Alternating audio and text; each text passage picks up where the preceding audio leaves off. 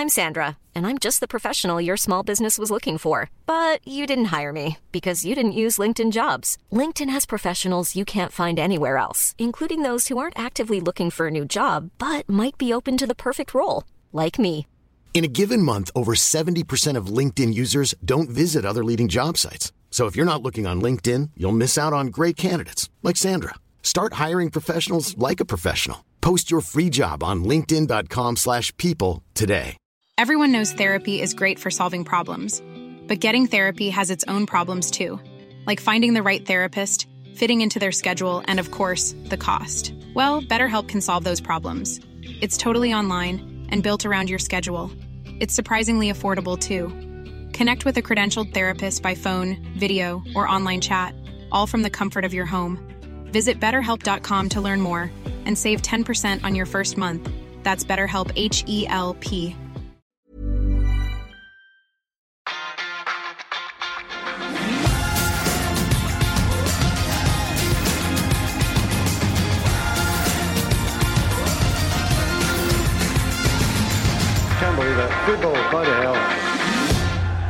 Tidene de forandrer seg. For sommeren 2006 hadde Manchester United gått i en slags ørkenvandring i noen år. Herre fred, har jo ikke vunnet ligaen på tre år! Eh, og tenk, tenk deg det, ja! Altså, det, det var krise, det, Eivind og Fredrik. Det. Ja, tenk at man liksom skulle oppleve noe så grusomt! Så, eh, og faktisk, Ralex Ferguson var under ja, faktisk eh, sitt største press, vil jeg si, siden han hadde snudd, snudd skuta og, og, vunnet Premier League eh, i 90 1993. Det var ikke så god stemning, og det er denne sesongen eh, vi skal ta for oss eh, i dag. 2006-2007, der Manchester United ender som ligamester. Og dere skal få slippe til straks, men jeg husker hvor spesielt dette her var. Fordi sommeren var jo veldig interessant. Det er Wayne Rooney og Cristiano Ronaldo i EM der eh, Wayne Rooney blir utvist for England, Cristiano Ronaldo iscenesetter det hele, sender ut England eh, av eh, mesterskapet, så det var artige tilstander, Eivind. Det var det. Um, og dette er en episode som jeg, jeg gleder meg så til å snakke om det her. Og vi hadde jo en avstemning på hvilken sesong vi skulle ta. Eh, og det gleder mitt hjerte at det ble den her. Fordi det var Eh, din sesong, du det var ditt forslag. Ja, men Ja, jeg, jeg er jo glad i de andre sesongene òg. Ja. Men det er bare en så deilig miks her. Du har nevnt Ronaldo og Rooney. Det er Ferguson mot uh, Mourinho. Det er Ronaldo, Rooney og Solskjær på samme lag. Det er Henrik Larsson som skal inn. Det er 7-1 mot Roma. Det er O'Shay på Anfield. Det er O'Shay som keeper. Det er, det er så mye! Så det er eh, Det er så mye at du rett og slett nesten segner om her. Ja, eh, vi får håpe at stemmen holder, men, eh, men det må han, fordi dette her tror jeg blir eh, veldig gøy. Siden dere ramla innom eh, det som skjer på sommeren her med Ronaldo Rooney, har du planlagt at dette kommer senere, eller skal vi ta den eh, Ferguson-greia med en gang, Eivind? Vi kan sette scenen eh, umiddelbart, egentlig. da. Vi er jo da i VM eh, i eh, 2006. VM var det EM, sa jeg. Um, Tilgi meg. Tillit. There we go now. You can see he's going to his back pocket. There's the red card for Wayne Rooney for the push. And look at this. Look at that. Is he just winked there? I think there's every chance that Wayne Rooney could go back to the Man United training ground and stick one on Ronaldo. no. Ja, for grunnen til at jeg spurte om vi skulle hit, er jo fordi at den sommeren her, så er jo sir Alex Ferguson på jubileumsmiddag i Oslo med supportklubben. Stemmer ikke det? Og dette skjer da selvfølgelig mens sir Alex er på dette arrangementet i regi av supportklubben. Og det er Martin Jøndal, Eivind, som forteller oss at han står vel og ser på kamp med Ferguson stående foran seg, hvor øyeblikket skjer. Hjelp meg videre på hva som skjer etter det. Jeg kan hjelpe deg, for jeg var der. Du var der? Jeg var Ja, der. Da er det du som forteller Ja, dette. jeg jeg, Sveivild, ansikt. jeg var jo der. Jeg Fortell, sto- Jeg sto og så på matchen, jeg òg. Ja, fortell. Eh, Og Sir Alex var der, eh, og han forsvinner. Eh, nå skal jeg være også forsiktig med dette som uh, har blitt populært å snakke om i det siste, nemlig falske, Falske minner. minner, Eh, men jeg står der sammen med faren min. Jeg kjente ikke Martin Jøndal da, så, så jeg er usikker på hvor han står. Men jeg husker veldig godt at Sir Alex står også og ser på denne kampen, fordi han skulle ha en sånn fotoseanse. United hadde jo vunnet ligacupen i til sesongen i forveien. Så trofé var med, eh, og uh, folk skulle ta da bilde med Ferguson og, og pokal. Ehm, så Sir Alex han står og, og, og ser på matchen. Uh, dette skjer. Wayne Rooney blir utvist. Cristiano Ronaldo blunker flott til kamera. Har jo på en måte sveket sin, sin lagkamerat i Manchester United. Det er jo uhørt, det han driver med, sånn, sånn sett i ettertid. Gjør han jo egentlig bare til en større Manchester United-helt, for det er jo ganske velkjent det at det er jo mange Premier League-supportere av ulike lag som også følger England, men det gjør du ikke i, i Manchester United. Det er jo litt sånn eh, nordvest-fenomen, egentlig. Altså Liverpool også er jo, det er jo nesten uhørt, ikke sant? Eh, for det er jo disse, de kaller det sine egne republikker. At den del landsdelen ble glemt, eh, og, og Thatcher De jubla jo da Thatcher eh, døde. Eh, så det er et anstrengt forhold til dette fødelandet. Litt som Bergen. Ja, det er litt Bergen, dette her. Eh, Så, så, så det blir jo så interessant. Altså, eh, det er gullkalven etter Manchester United her eh, som, som ryker i tottene på hverandre. England ryker ut, og Sir Alex får plutselig et problem i eh, henda. Og da er han i Oslo! Eh, og han forsvinner, husker jeg. Han, han går, tar opp telefonen sin og skal begynne å, uh, begynne å ringe. Eh, og så ser vi ikke han før det blir middag. Og det er jo litt absurd å tenke på at vi med Manchester Uniteds manager sitter inne i en sal og spiser. Det var liksom opplegget. Vi satt og spiste mat, liksom. En treretters med Sir Alex Ferguson. Eh, US-redaktør Lars Morten Olsen hadde jo da Ferguson til bords. Eh, og det sier jo litt om supporterklubbens posisjon, da. At manageren, Sir Alex Ferguson, drar ens ærend til Oslo for dette her. Eh, så, så det er det. Han eh, Jeg mener igjen, han holder en tale under denne middagen og kommer vel sånn briefly innpå det og sier 'dette ordner vi', eller et eller annet. 'Det har skjedd noe i dag', og, og så ler folk, liksom. Han, han løser det veldig greit. Okay. og det er det. Mer hører vi ikke om dette her, men gud, vi skulle jo høre om det. Altså, det ble jo, eh, det ble jo ville tilstander. Og det løser seg jo. Ferguson har løst mange konflikter i sin managerkarriere, men her gir han jo faktisk æren til Rooney, eh, og sier at det er rett og slett storsinna det Rooney gjør. Eh, Ronaldo kommer jo til England-garderoben og snakker med Rio. eh, og de snakker sammen med, med Rooney, og Rooney sier vel noe sånt som at Ja, vi kan høre det, han kan si det sjøl. skal vi se. I spoke to Ronaldo after the game in in the tunnel after we both had a shower, and I said to him at the time, I said the the press want to make a big thing about us not getting on with each other, falling out, whatever. I said, don't worry about it. I would have done exactly the same thing in the other way round, and I tried to get him booked in the first half for diving. He's my club teammate, but when you're playing England v Portugal, he, he's a rival. If I could get him sent off, I would. Det her er deilig å høre, faktisk. Det er Det vitner om en sånn Han skjønner gamet, da. Det er vanskelig å skjønne når du står utenfor, fordi man tenker at her Dette er umulig å reparere, tenker jo jeg umiddelbart. Eh, og så er, Du ser også reaksjonen til Rooney da han blir utvist. Han, det er vel Ronaldo han går og dytter, og reagerer også på. Eh, men dette er storsinna. Det er jeg helt enig i. Det Ja. Og det bygger jo litt oppunder eh, det at de på en måte røyker fredspipe med en gang, eh, løser dette her. Det, jeg er helt sikker på at Ferguson har brukt dette her som tidenes den derre Sig mentality-biten han har vært så opptatt av. Oss mot resten av verden. Nå vil alle ta oss, de er ute etter oss. Dette her tror jeg, jeg tror egentlig det er en kjempekatalysator da, inn mot sesongen.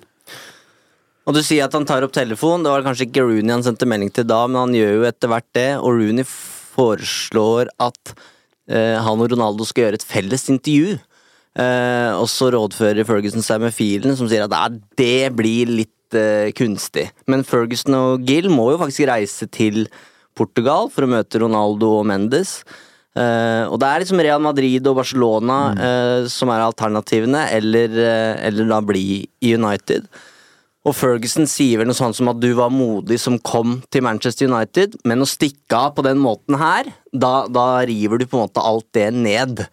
Eh, og det ender med at, at Ronaldo blir. Han, han skal ha vært eh, Altså Rooneys sjenerøsitet skal ha gjort inntrykk på Ronaldo, og han velger å, å, å bli værende. Og jeg, jeg husker det godt, hvordan det føltes. Vi, altså, når jeg sier at jeg gleder meg til den sesongen, her, så handler det nok det litt om sånn nostalgi eh, fra tenåra, hvor alt bare føles veldig mye sterkere enn det det gjør eh, nå som vi har bikka 30. Og blitt flat. Men det å liksom Ronaldo og Rooney, altså verden lå for, for deres føtter, da. Og så i et mesterskap så skal Uniteds to største stjerner, fremtidshåpa, skal liksom barke sammen. Ja, og en viktig bit inni dette her er jo hva Sir Alex Ferguson har ofra for dette prosjektet. Fordi Ruud van Nistelrooy er jo han som har blitt ofra her. Altså, uh, Manchester Uniteds målmaskin, en av de beste angrepsspillerne Manchester United har hatt i moderne tid, uh, han, må, han må reise. Han blir benka til liagacupfinalen og stikker av i raseri og blir solgt den sommeren. Ja. Så uh, det er Han har på en måte satt Han liker å spille på hester, Sir Alex Ferguson, og hestene hans, da, er Wayne Rooney og Cristiano Ronaldo. Og da i særdeleshet Cristiano Ronaldo, for det er jo han som har hatt et litt anstrengt forhold til Ruud van Nistelrooy. Eh, og han velger Cristiano Ronaldo. Han backer han etter den utvisningen, og da er det sånn Gutten min, du blir her. I den sesongvideoen eh, som tilhører denne sesongen her, da, så er det jo De snakker jo om exiten til, til Van Nistelrooy før sesongen. Og da er det jo Solskjær som blir intervjua til akkurat den sekvensen. Og det er utrolig fascinerende hvordan Solskjær også prater på den tiden. Det høres bare ut som at det var Solskjær som United-manager som uttalte seg. At uh, Husker ikke ordrett hva han sier, men det var liksom Dette fikser vi. Ja da. Uh, Van Nistelrooy er en av de beste, han, men dette fikser vi. We'll sort eller manage this, et eller annet sånt. sånt. Og det var sånn. Og Rio sier vel også det på en sånn video at eh, med Solskjær har vi med en framtidig United-manager Eller ikke fremtidig United-manager, men en fremtidig manager pga. fotballhode og sånne ting. Så det er sånne frampek og det er, en, det er en ganske syk sesong der. Gud, jeg savner disse sesongvideoene. Altså, altså, jeg har jo sett sånne i hjel. Altså de 90-tallsvideoene. nei, man blir jo helt uh, Man blir gammel og grå og nostalgisk. Noskal, nos, oi, nostalgisk. Hørtes ut som meg, det der. ja, ja. Og det som kanskje jeg syns er mest romantisk med den sesongen her, og den tida for så vidt som vi er i her, da, det er det kameratskapet som åpenbart er i den troppen, og som jeg, som jeg ser etter i dagens United-lag hele veien, men som er vanskelig å, å finne ofte. Og det er jo et godt eksempel på det her allerede i juli, når eh, gutta kommer tilbake til Carrington etter mesterskap. Og noen har tatt med seg boksehansker til Rooney og Ronaldo, tilfelle de skal gjøre opp før, før de setter i gang. Det er bra. Og liksom hvis du ser på den troppen, da, eh, så er det eh, tilbakevendende dette med characters, da, men eh, ta den bakre, hvis vi kaller det bakre femmeren her, da, så har du Edvin van de Saar. eh, Som måtte har den erfaringen eh, Han er på sin siste dans, liksom. Siste svanesang. Eh, Han får være i Manchester United og ja, kron, sette kronen på verket for en fantastisk karriere. Han kom jo til United altfor seint, dessverre. Eh, Men den dekningen, da, eh, med eh, Gabriel Heinze og Patrice Vra på venstre bekken, Mm. det midtstopperparet som med Nemanja Vidic og Rio Ferdinand Altså, eh, Gary Neville er, er fortsatt eh, med, så har jo John O'Shea, West Brown, eh, Silvestre Altså, Silvestre hadde nesten glemt at faktisk eh, var med oppi dette her fortsatt. Og de kommer til å trenge den bredden, som Det- vi kommer tilbake til. Yes, det er helt korrekt. riktig. Men det er eh, Jeg føler nesten Altså, de som starta, uh, var liksom Førstevalg i den backrekka var jo Kunne jo vært kapteiner alle sammen, ikke sant?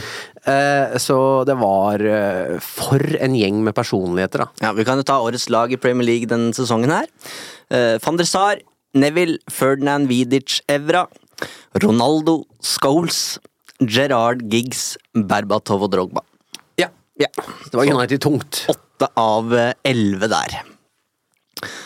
Um, Syns vi har satt scenen ganske godt her. Som du eh, begynte med, Jon Martin, så er jo det her en periode hvor Ferguson er nede i en, eh, i en bølgedal. Um, The Invincibles uh, har vunnet uh, tittelen, altså med, med Wenger, og Mourinho har kommet inn og tatt de to siste.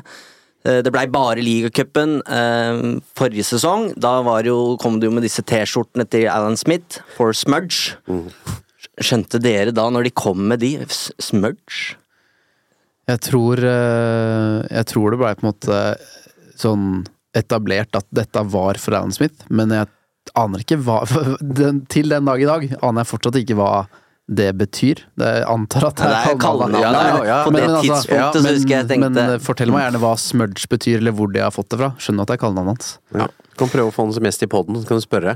Jeg har sendt uh, har mail. Ja. Ja, uh, men dette var da han spilte for Notts County. Og han pressemannen var ganske ærlig på at det gadd ikke Alan Smith.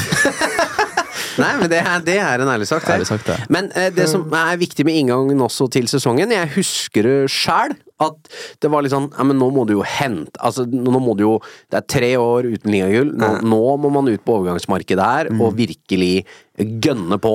Uh, men det er på en måte en litt forsmak, for dette er jo en tidlig periode av Glazer-fasen.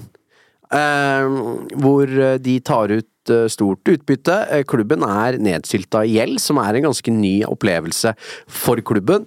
Eh, og uh, det er uh, Det er jo ikke bare å kaste ut penger i det vide og brede, eh, som igjen også vitner om hvilken fantastisk prestasjon Ferguson dreiv med her, da. Men eh, det, husker det var enorme navn som ble linka til Old Trafford den sommeren, men det er jo bare to som kommer inn. Og det er Thomas Kujak. Pig. Ja, Pole in goal og Michael Carrick fra Tottenham. Men Van Nistelrooy forsvinner, så det Ja. Ja, det, Og er Kostsjok også en låneavtale, eller? Ja, men den, Den blir Den permanent. blir permanent ja. tror det er med opsjon, ja. Ja.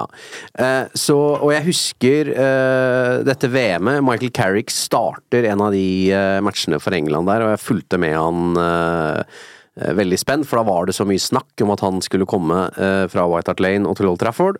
Eh, og jeg var litt sånn Er det dette her, liksom?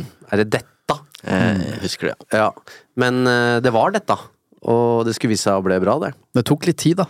Han trengte litt tid før vi eh, Jeg kan se for meg at det var først etter de eh, Vi kom jo til Roma-kampen etter hvert her, men det er vel først etter noen sånne skåringer der at man kanskje begynte å Ja, jeg vil nesten si at eh, vi trengte noen år òg, jeg. Ja. På liksom Ja, på å skjønne Michael Ja, Carrick. ja, ja. På verdsette den, faktisk. Og i hvert fall i dag, når vi har hatt så mange forsøk Ja, ja.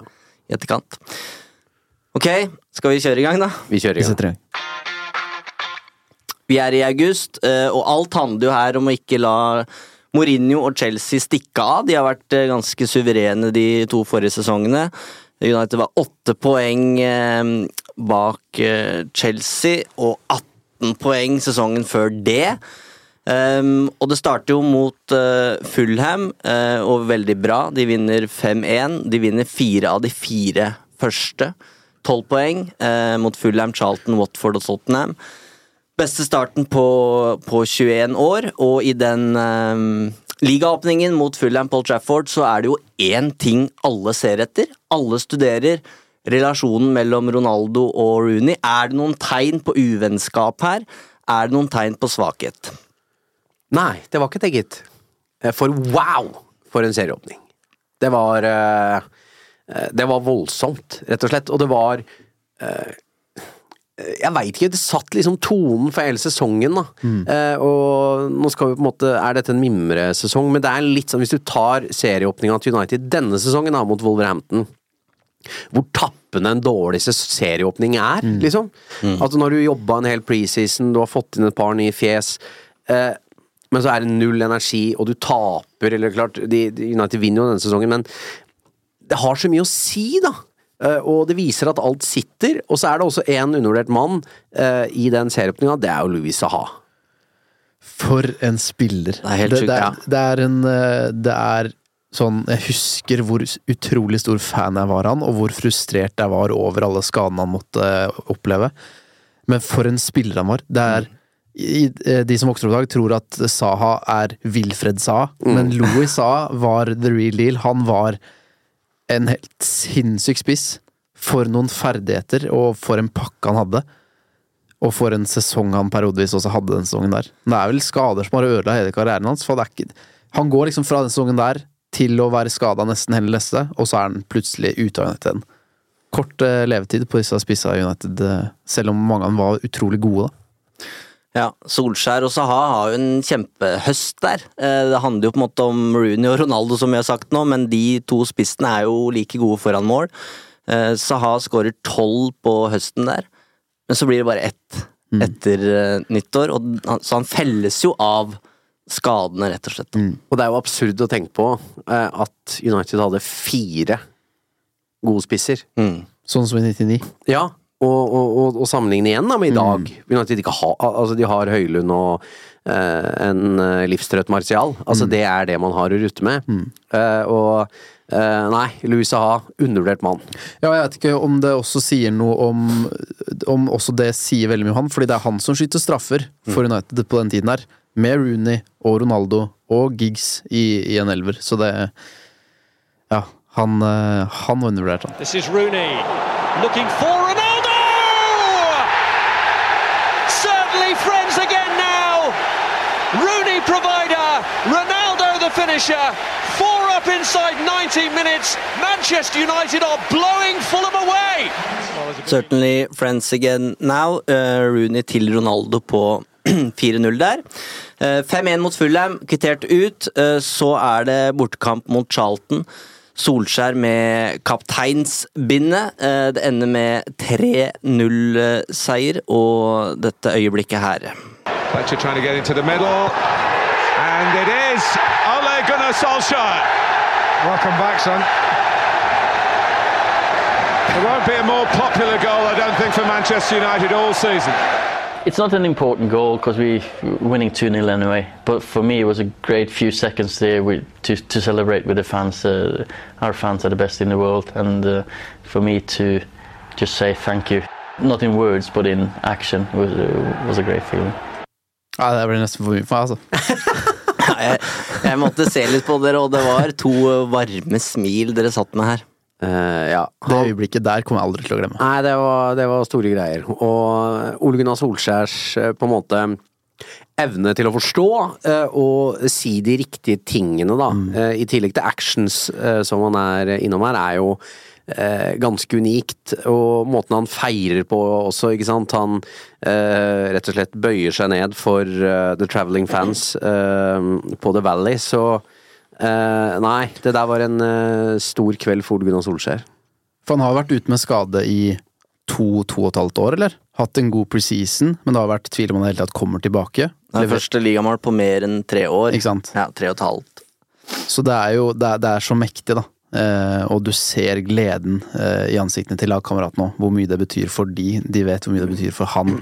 Eh, hvor mange timer han hadde på gymmen med tvil og fortvilelse om det hele tatt skulle gå. Var det verdt alle timene med et forsøk? Og når man ser tilbake på den sesongen der, så er svaret det er klink ja.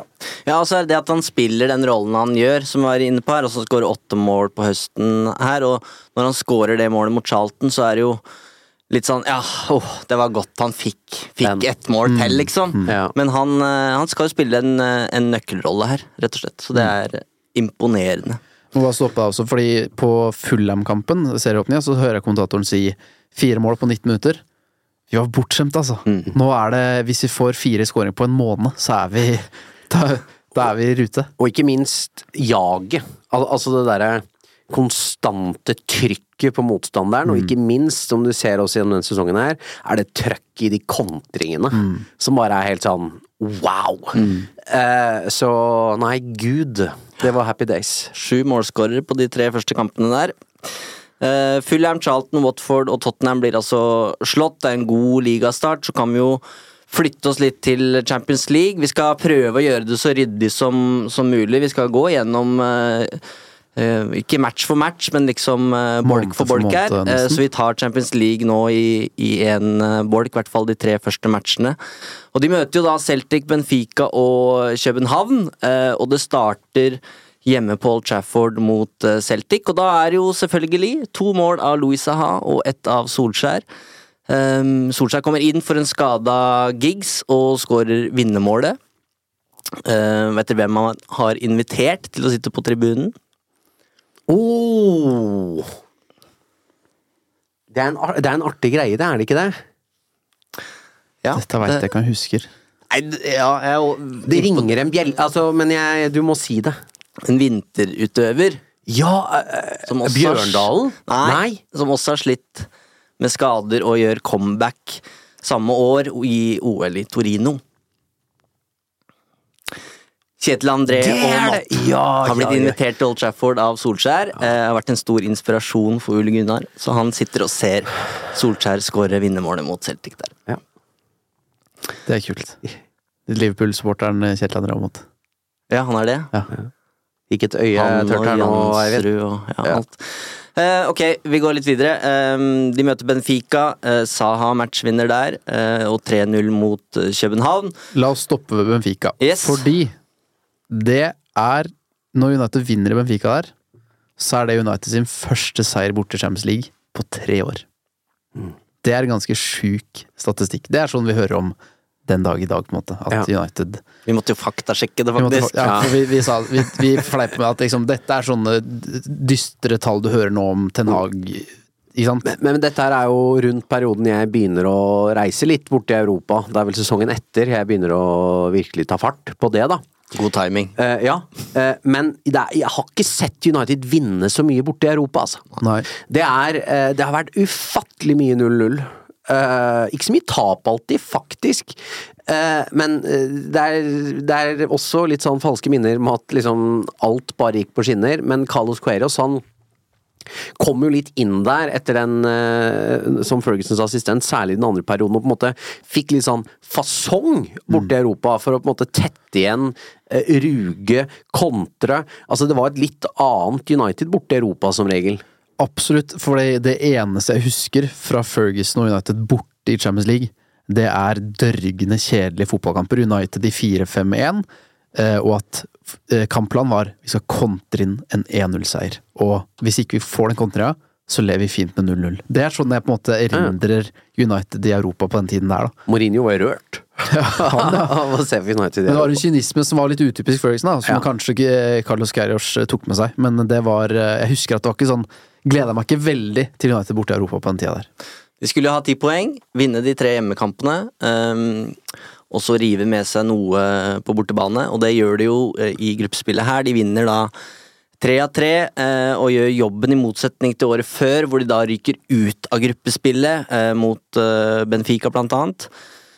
Eh, vinner 3-0 hjemme mot eh, København. Scholes, O'Shay med leggen hopper opp for å heade, og så blir, treffer bare ballen Ja, sant. Ja, på leggen. Skåra litt mål, Ja, han, han. Altså, Han spiller en hovedrolle, vil jeg si, denne sesongen her. Om han Eh, gjør.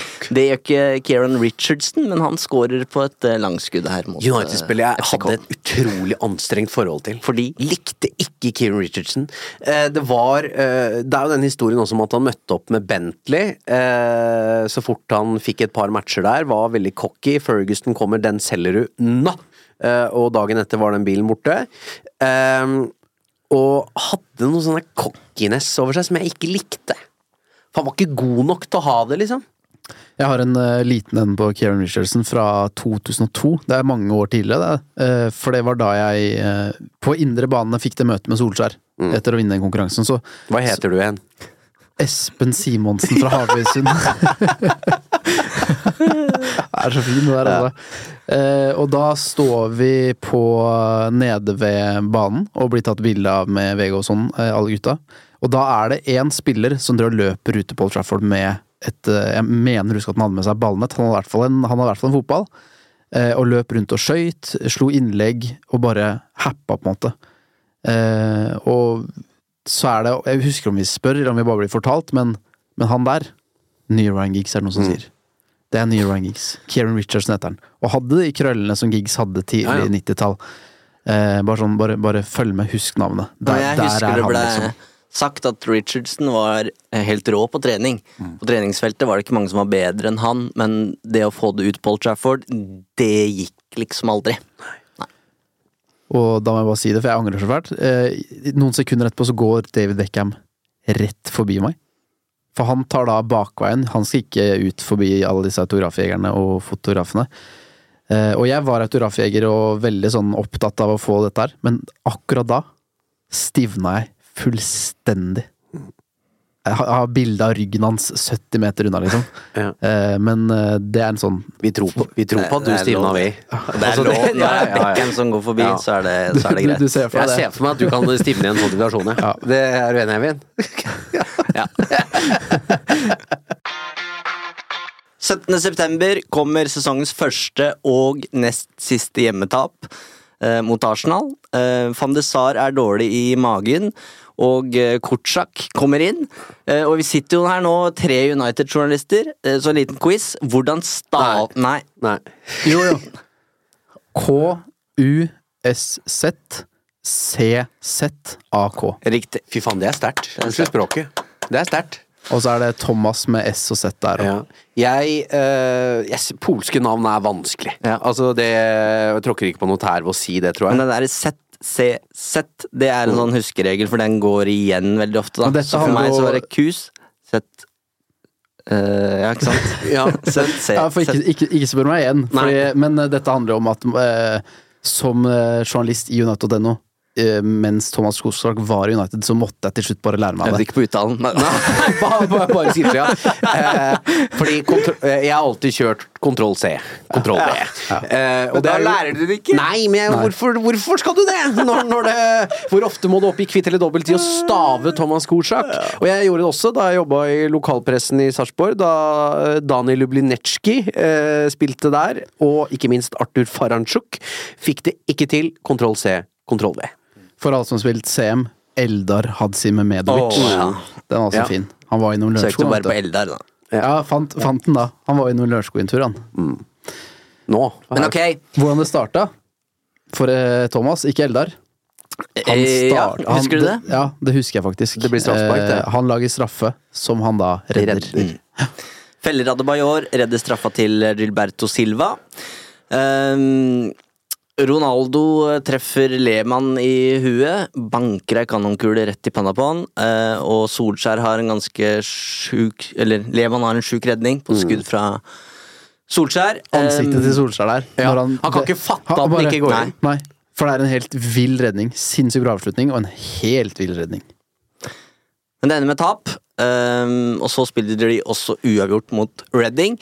Men så begynner på en måte den enorme høsten her. De vinner ti av de neste elleve. Poengtapet det kommer mot uh, Chelsea, vi kommer tilbake til den. Uh, men Solskjær og Saha i toppform her. Det er 2-0 mot Newcastle. Solskjær skårer begge. Det er 3-1 mot Wigan. Vidic, Saha, Solskjær. Det er 3-0 mot Pompey, eh, Saha Ronaldo Vidic, og det er 1-0 mot eh, Blackburn. Saha matchvinner også der. Solskjær er heit i starten denne sesongen, her, Ja. altså. og det er ikke Wayne Rooney. For han starter sesongen veldig bra. Kanskje du kommer dit, Eivind, men han, han er inne i en stygg måltørke en periode der. Ti kamper uten scoring. Før han skårer hat trick mot Bolten i oktober. Riktig. Det er litt absurd uh, å se Premier League-tabellen også, uh, hvor store forandringer det er. Mm. Uh, for hele Greater Manchester er jo i Premier League Mm. på dette tidspunktet, med Bolton og Blackburn og Wigan. Wigan. Og, altså, Lancashire er her sterkt representert, da. Mm. Uh, så det er, det er en del falne eh, klubber uh, som jeg savner, på sett og vis. Jeg savner ikke byene Bolton og Wigan uh, og Blackburn, men jeg savner litt den derre Særlig Blackburn, må jeg si. Hva er det du savner? Bortekampen. Ja. Borte 7500 billetter på Ewood Park. Det savner jeg. Så den dagen øh, For jeg håper øh, Det er vel Wanky, Wankies fortsatt som holder på, er det ikke det? I Blackburn? Veit ikke. Eh, jeg beklager hvis jeg har feil. Eh, få de opp igjen, da. Så kan vi få en solid bortekamp der.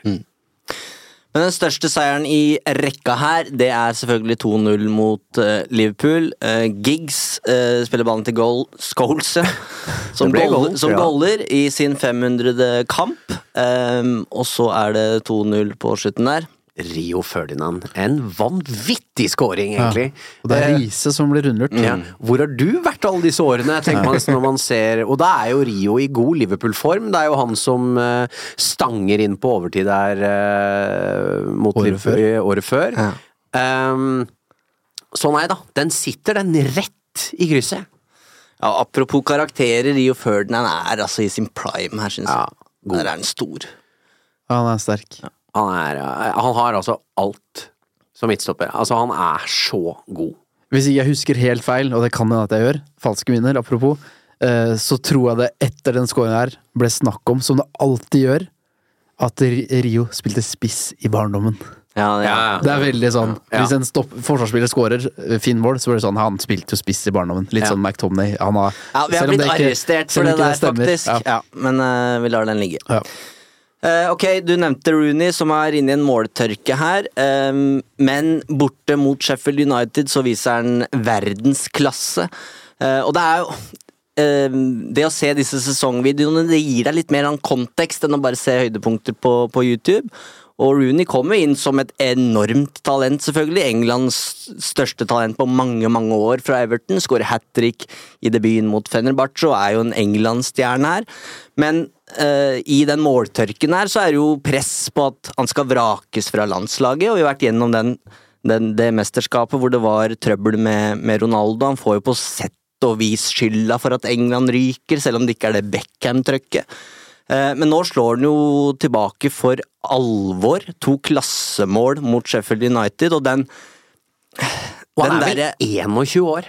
21, Ja. eh, og den derre kraften han har i kroppen sin på det tidspunktet her, det er det, er altså noe helt annet enn den Rooney som, som eh, går tilbake til Everton noen år seinere her. Og, Og ikke minst han som har vært i Birmingham. Ja, nei, eh, jeg husker de spiller med de der blå draktene med rødt innslag som jeg ikke liker, i motsetning til hjemmedraktene her, som også gjør den sesongen her helt eh, eventyrlig. Um, men nei, Rooney leiker seg mot Sheffield United, og så har Ronaldo en fryktelig flomis. Den er helt syk. Ja. Den, er, Ja. den er altså så syk at det ikke går inn. Eh, Han, han står for en halv meter og skyter over. Det er helt ufattelig. Må inn og se den. Altså, altså, den er, den er ikke tall og tru. Men eh, ja, for Rooney Jeg må bare stoppe ved alderen Ja, ja, ja. der. Fordi eh, nå som hele verden har fått med seg at han 16-åringen er veldig god i dart, som Ja. overhodet ikke ser Det er verdens eldste 16-åring. Ja. Wayne Rooney Pantino er også verdens eldste 21-åring. Det er Det er ikke sånn 21-åringer ser ut. Og på brystet. Ja, og ja, Fett mål på brystet. det er liksom sånn du, du ser på den og tenker at dette er mainman i et lag på grunn av alder og pondus. Mm. Og så hører du at bare Nei, det er Han er unggutten, han, som egentlig skal bli dratt av de andre. Man har jo en helt sånn sinnssyk evne og noen sinnssyke ferdigheter, men det er bare Jeg ble så satt ut av da jeg hørte kommentatoren si 21-åringen. Mm. Sånn Her må jo han ha vært 27-28. Det var det jeg trodde. Eh, veldig rart. Ok, det er klart for første ligafinale mot eh, Chelsea på Old Trafford. United har da sjansen til å gå seks poeng foran, og som vi sa her, alt handler om å få et eh, solid forsprang på, på det sterke Chelsea-mannskapet til Mourinho. Um, og det er jo Saha som markerer seg. And Saha tries to place it. He has done to perfection. He has a little look, and he knows Kudicini can't see this, and he just winds it round the Portuguese centre back, and his accuracy is absolutely spot on. Absolutely stunning finish from Louis Saha. Det her syns jeg er en så bra scoring. Altså, den, det, det er så klinisk, og det, det, det er en scoring som en spiss bare scorer når du har selvtillit i bøtter og spann, og det viser hvor god Louis Saha var på sitt beste, og det, det så man jo aldri. eh, over lang tid. Det var på en måte den høsten her, men måten han venter ut Carvalho eh, og bare prikker ballen inn Ja, med for, for, for, for det er ikke hardt. Nei. Nei, nei han bare, han bare, han, det er bare sånn perfekt utført, da. Det bare jeg, sier alt om tilslaget hans, da. ja, ja, ja. Og jeg må innrømme at dette hadde jeg glemt. Altså, Jeg husker matchen, jeg, jeg tror jeg husker at det ble 1-1 nå, men når jeg så, så gjennom nå at eh, Var det Louis Saha, liksom? Nei, det hadde jeg glemt. Eh, og, uh, og skåringen til Saha er nydelig utført, og så er det litt mer knotete baklengsmål. Ja. Da er jo Carvalho, selvfølgelig, uh, som Rooney stempla i, i mesterskapet der. Um, så ja, det ender 1-1. Eh, fortsatt tre poeng foran Chelsea. Så er det Jeg bare ramser opp litt, så får dere stoppe der dere ønsker. Mourinho er ganske bøs i det intervjuet etter match der, hvor han liksom understreker at dette var en uh, missed opportunity for Mm, United til å få ja. forsprang på oss. Men United henter seg inn, da. Eh, 3-0 mot Everton. Ronaldo, Evra og Shay.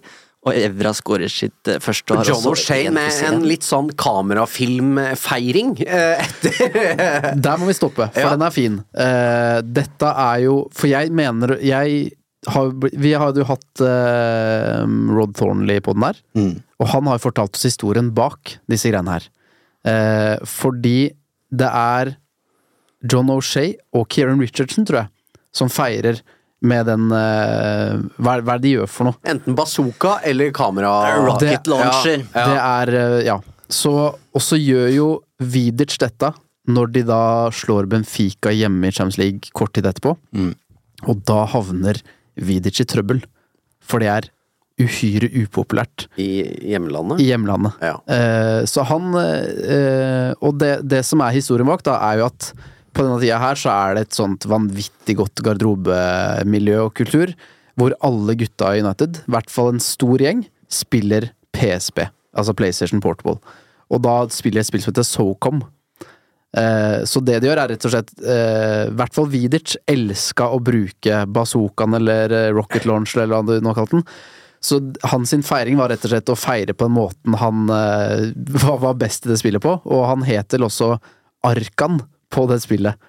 Så Nemanja Arkan Vidic, da. Og eh, Carrick var med og spilte, O'Shea Altså, det var Alle, en Neville og Giggs gadd ikke. Nei, det kan jeg se for meg. Det- og jeg tror, men, ikke, eh, jeg tror ikke Scholes var med heller. Og PSP, bare for å Det er ikke alle som er eh, like gamle som oss. Jeg husker jeg spilte Fifa på det, men det er på en måte en, en eh, horisontal Gameboy, går det an å si det? Ja. Uh, en liten skjerm der. Mm. Eh, men uh, Ferdinand har snakka om det i podkasten til eh, Ben Foster, så vi kan jo høre hva han sier. What was the game called? SOCOM, best Yeah. game ever. It was like an old school Call of Duty. Yeah, it was Yeah. Call of Duty before Call of Duty. Yeah, exactly that. Yeah. yeah, yeah, yeah. And this, like, mate, we used to spend hours on this game, didn't we? All of our travelling journeys were taken up by this. Like, so if we were doing that an hour's journey, it was almost like "Ugh, it's not long enough. We want like a two, three hour one. We can get right amongst it. Like two teams, six v six, five v five. I actually still say part of us winning and our culture Down to that a was down to that game. Yeah. Trust me, because we were all together in it. Can you go through the names? Um, Wes John- Brown was Wade Baby or something like that. wasn't Johnny he? was Snave. Snave. Johnny Evans was Snave. What was um? what was Darren Fletcher? Uh, Haywire. Haywire. Oh my god. were you two boys then? Go on. he was golden, golden I was Golden Eye. Gun. I was Yeah. Golden Gun. Uh, who were you? I was Brap. Bra- BR. Wayne Rooney het Jack Bauer. Ja, stemmer. Men, ja, men dette er jo litt uh, fint å høre på, liksom den med uh, Unity, og dette var liksom De er gutter, da! Ja. Mm. Altså, det er gutta boys. De er en gjeng, de er sammen hver dag. Eh, så nei det Du der- hører at uh, Ben Foster og Rio Ferdinand koser seg når de snakker om det nå. Um, og um, ja, det, det er bare, ja, som du sier, veldig Veldig konkret eksempel på det der kameratskapet, og hvor enkelt det kan være. da. Uh, og så skal det, hører jo med til historien her at de spiller jo i lag eh, mot Chelsea. De spiller jo mot Lampard og Terry og, og guttene der, og de feiringene var liksom retta mot Chelsea-leiren. Og, og det var ganske sånn eh, anspent mellom eh, Chelsea, Liverpool United-spillerne på denne tida, og det var jo selvfølgelig de som dominerte det engelske landslaget. Så disse på bussturen også, så fortsatte jo disse kampene når det var landslagsoppdrag. Så United-spillerne kunne sitte på bussen og spille mot Chelsea og Liverpool, hvor det blei ordentlig intenst, og de feira og provoserte hverandre og sånne ting. da. Så det er eh, en kul tid, og Rod Thornley, som da jobba United på den tiden, så jo også sakte, men sikkert hvordan dette forandra seg, og også pekt veldig tydelig på at kulturforskjellene som etter hvert kom, grupperingene Det blei mindre og mindre kameratskap, og bare pekt på det, i takt med en klubb som handler mye mer om det kommersielle enn det sportslige, også handla mye om at spillerne også mista det kameratskapet. da. At det var veldig lett å peke på hvorfor ting etter hvert har blitt som det vi nå er vant til, det nye United. For dette var eh, golden times. De spiller jo PlayStation i dag, men eh, I litt usunne varianter. Ja, for ja. Og litt for seint. Ja, Og litt for lenge. Helt korrekt. Ok, eh, ramser opp her litt. Eh, 3-0 mot Everton. Ronaldo, Evra og Shea har vel vært innom det, ja. Eh, Evra skårer sitt eh, første, har målgivende på Shea sin også. Eh, 2-1 mot Middlesbrough, Saha og Fletcher. 3-1 mot City. Rooney, Saha og Ronaldo. Eh, og vi har jo unge lyttere her som ikke nødvendigvis har eh, fulgt Manchester United i en tid hvor City var et ganske annet fotballag. Og City ender jo den sesongen her på 14.-plass. Taper 8-1 for Middlesbrough sesongen etter. Riktig. Derbyene på Old Trafford var ofte veldig planke. Eh, Det var tøffere Betydde mer for City Ja, enn ja, ja, United. Definitivt. Eh, det var, kan egentlig sammenligne litt med Liverpool og Everton styrkeforhold, egentlig. Sånn Uh, Og Bare at United var enda bedre enn Liverpool, åpenbart. Men nei, så det, det, derbyene hadde ikke den schwungen, og da var jo Liverpool-matchen uh, vesentlig større. I hvert fall for meg, og så er jo dette litt sånn smak og behag, egentlig. Hva, hva liksom er din største rival?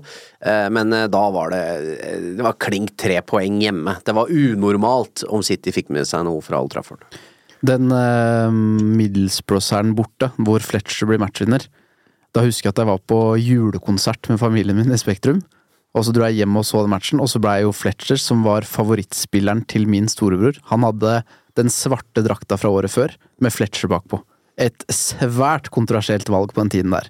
For det, det har jeg altså tenkt på så mange ganger i ettertid av den storhetstiden der. Tenk liksom om Twitter og sosiale medier var på sitt eh, største da spillere som O'Shay starta som sentral midtbane. Når det var det, det, er, det var så mange spillere i den stallen der som ville vært hakkekyllinger i dag, da, på lik linje med de som er hakkekyllinger nå. Som hadde den rollen som eh, akade- kom jo opp gjennom akademiet, kanskje ikke var gode nok til å spille fast, men likevel spilte en rolle, da.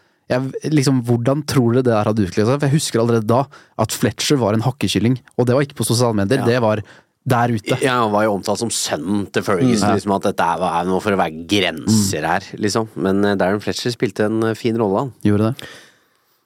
Den rekka her gir tolv kamper uten tap før jul, men Chelsea henger jo på, og United taper for, uh, for Westham. Uh, men så er det Ronaldo-show uh, inn i jula der. Ronaldo skårer to mål i årets tre siste kamper. 3-0 mot eh, Villa. Scholes har et helt sjukt mål der òg. Der må vi nesten stoppe. eh, Fordi eh, det målet til Paul Ja, Scholes det er- der, det er altså, ja, Scholes. ja, ja. Men, Og så avslappa han gjør det, liksom! Altså, altså, ballen kommer jo skyhøyt. Og det er akkurat som at han liksom bare Han bare strekker ut foten litt sånn slapt. Da. Nesten sånn han orker å løfte foten litt. Sånn, og så bare bang! Ja, altså, for en scoring av Paul Scholes. Det touchet hans, det mm, Helt sjukt. Og det er jo den historien om at han, fl- han fløy rundt på Carrington Eller han fløy ikke, han tusla sikkert Ja, i ro og fløy. og, bare spilte langpasninger som traff folk i ryggen og bakhuet mens de gjorde intervjuer og holdt på. Og mens de sto og pissa, for eksempel, i en busk, så Ja, ja. fikk de en ball fra Scholes. eh, Nei, helt vilt. Og ja, apropos karakterer, her er det enda en som ikke ville ha oppmerksomhet. Det er jo, et, det er jo sjokkerende at han stiller opp i de der season review-videoene og, og lar seg intervjue. sikkert. Han måtte vel, ja. Ja. Jeg har jo intervjua Paul Scholes en gang, eh, og det er vanskelig. det, det med, han er hyggelig og høflig og sånn, men han eh, svarer jo kort. Og snakker ikke i titler. Nei, han gjør ikke det. Så han eh, husker godt håndtrykk, satt seg ned, gjorde det han skulle og var vel på en måte ute av rommet før jeg hadde rukket å si ha det da intervjuet var ferdig. Eh, så eh, nei, han eh, Det var jo noen T-skjorter som var populære i en periode med Paul Scholes. Det var vel det eh, Get to work, play the game, go home. Eller et eller annet. Og det var, det var det Paul Scholes gjorde.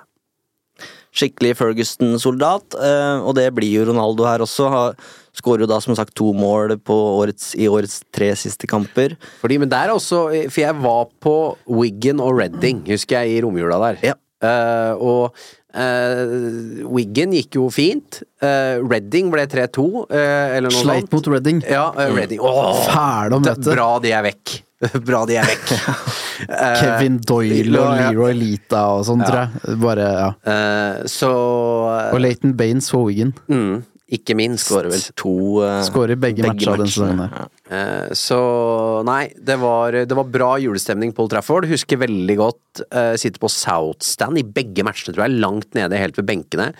Eh, og sangen som går på Old Trafford, er jo den Mourinho Are You Listening? Eh, we'll be back in May to take it away. Og den stemninga var der da.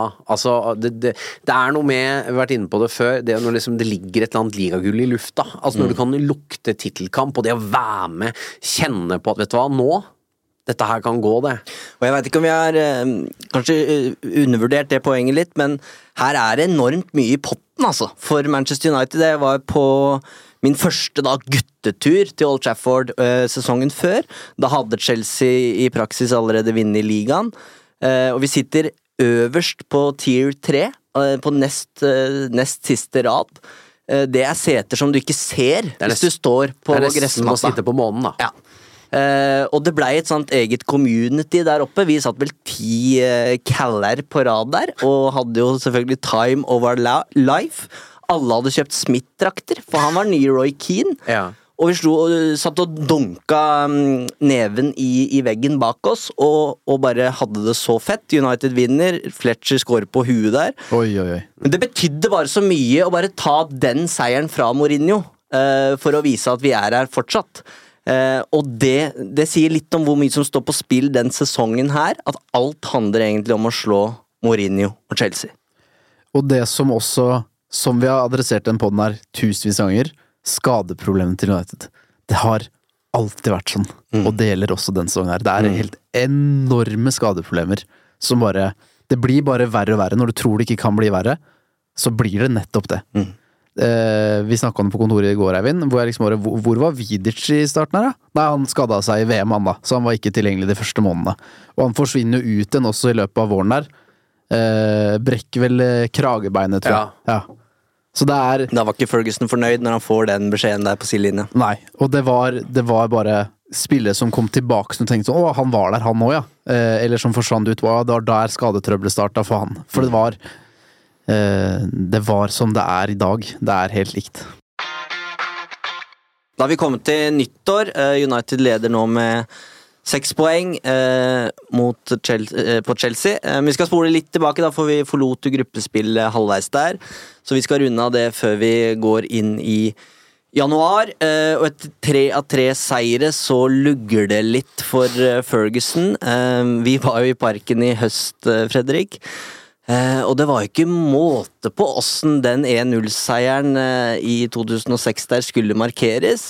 Den huska de bedre enn meg, for å si det sånn. Ja, jeg satt og googla på tribunen der, faktisk, for å se hva, hva, hva var egentlig som var så spesielt. Men de hadde samtlige spillere på, på banen der. Brede Hangeland fikk, om det ikke var medalje, så var det en slags eh, diplom. Det gikk en æresrunde og ble applaudert av stadion. Og det, og det banneret i forkant av kampen. Mm. Fortsett der du var, du. Nei da, det, det er jo Albeck som avgjør i, i parken. Eh, Ronaldo har et offside-mål. Jeg husker det her. Det, det var litt pinlig, liksom. Jeg, jeg husker bare så godt fordi faren min var der.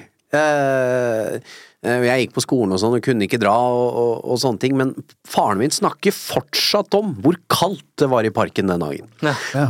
Altså, det var så kaldt, og sier 'jeg har spilt bandy', altså. Eh, Det har vært mye ute i kulda, liksom. Det der Men du ser det når Ja. du ser høydepunktene. Ja, ja, du- Altså, det var så kaldt! er liksom det alle som var der snakka om. Og hvis du står i borteseksjonen i tillegg da og fryser og hutrer og taper i parken, liksom.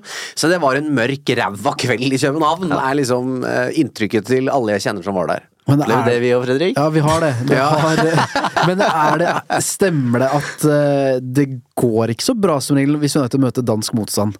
Er har, har det ikke Aalborg og Midtjylland og noen sånne pinlige opplevelser? eh, Ja, det Midtjylland-greiene og sånn var jo de tapte jo de tapte mot Midtjylland òg, gjorde de ikke det?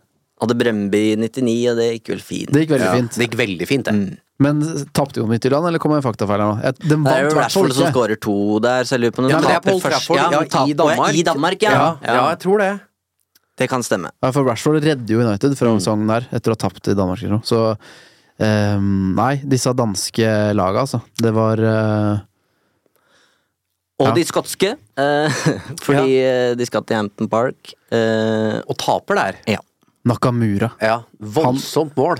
Og det hadde han på Old Trafford òg, bare Ja. da vant United. En helt Altså, den, Helt på, sjuk den, den på Old. Trafford er sånn Den er ute av denne verden, den er helt sinnssyk. Og så er den på Celtic Park bare enda bedre. Men har vi hørt om en før eller siden? Nei. Nei, Det er det. som de to måla. Ja, ja. Ja, men det er jo ikke så verst å vise Nei. til det, Eivind. Altså, det er mer enn hva vi kan skilte med. Det er korrekt. Du har scora mot Strømsgodset på, På. Marienlyst, du. Å gud, så sinna de ble. Gikk rett av banen, de Strømsgodset-gutta. Vi hadde jo en teori om jeg ville teste ut tesen hvor bingo er straffespark, så jeg eh, tromma sammen eh, Vi var fem, da. eh, Som skulle ta straffespark. Jamel Rake i mål. For å følge ut, følge ut teorien kan amatører slå proffe, og så slår vi Strømsgodset i straffespark. Og de syns og Valsvik og gjengen syns ikke det var noe moro! Keita! Og alle de bare gikk av banen. Dette syns ikke de noe om, men dette var en digresjon. Du limte den opp i krysset. Ja, ja, Du skal ja. få den. Flaks. Nå var jeg i ferd med å skli av foten. Sikta midt i mål, jeg. Fra Drammen til eh, Old Trafford igjen, for da er det nytt skjebneoppgjør mot Benfica. Eh, og det blir jo Det er jo litt ekkelt, for det var Benfica som sendte United ut av gruppespillet året før. Og som jo er et litt europaspøkelse for Ja. Manchester United. Og det starter jo um, skummelt også. Eh, langskudd fra en fyr som het Nelson, som også fikk eh, sitt eh, kvarter i sola der. Um, men eh, det ender jo godt. United snur. Uh, Vidic skårer eh, med rocket launcher-feiringa si. Og så er det. Giggs og eh, Saha som skårer da sitt tolvte mål uh, for sesongen. Og det er jo også litt den derre undervurderte uh, For Ryan Giggs var også inne, jeg tror han sa det til United-supporteren, faktisk, ved at Ruud van Nistelrooy drar Ja, men dette ordner vi, da må vi andre bare skåre fler. Og Giggs så er jo litt et bevis på det denne sesongen. Han dukker opp her og der, han også, og skårer noen, uh, noen ganske viktige mål, altså. Eh, Så, så Giggs, Giggs var også med. Definitivt. Um, og bare for å runde av på Sa her, skårer jo da sitt tolvte mål uh, for sesongen. Får ny kontrakt, og så begynner skaden. Da er det groin og hamstring og, og kne, uh, og det er jo starten på slutten. Han skårer bare seks mål til for uh, United. Ett mot Reading i FA-cupen i februar. Og, og fem neste sesong før han går til, til Everton. Så vi får se det beste av Saha før han, før han forsvinner. Han var så himla kul, ass. Så vi må bare spole litt tilbake til Ryan Giggs òg, fordi han Jeg, jeg trodde jo eh, at han først begynte å spille sentral midtbane da han var 8-39 og var for treig til å spille på vingen. Men allerede den sesongen der så er jo han inne og vikarierer som sentral midtbanespiller, med bravur, flere ganger, blant annet i hjemmekamp mot Liverpool, hvor skadeproblemene er så store at det er eh, Ryan Giggs og John O'Shay som utgjør midtbaneduo, mot Steven Gerrard og Chabi Alonso, eh, og kanskje var flere også. Så det er uh, Igjen, da.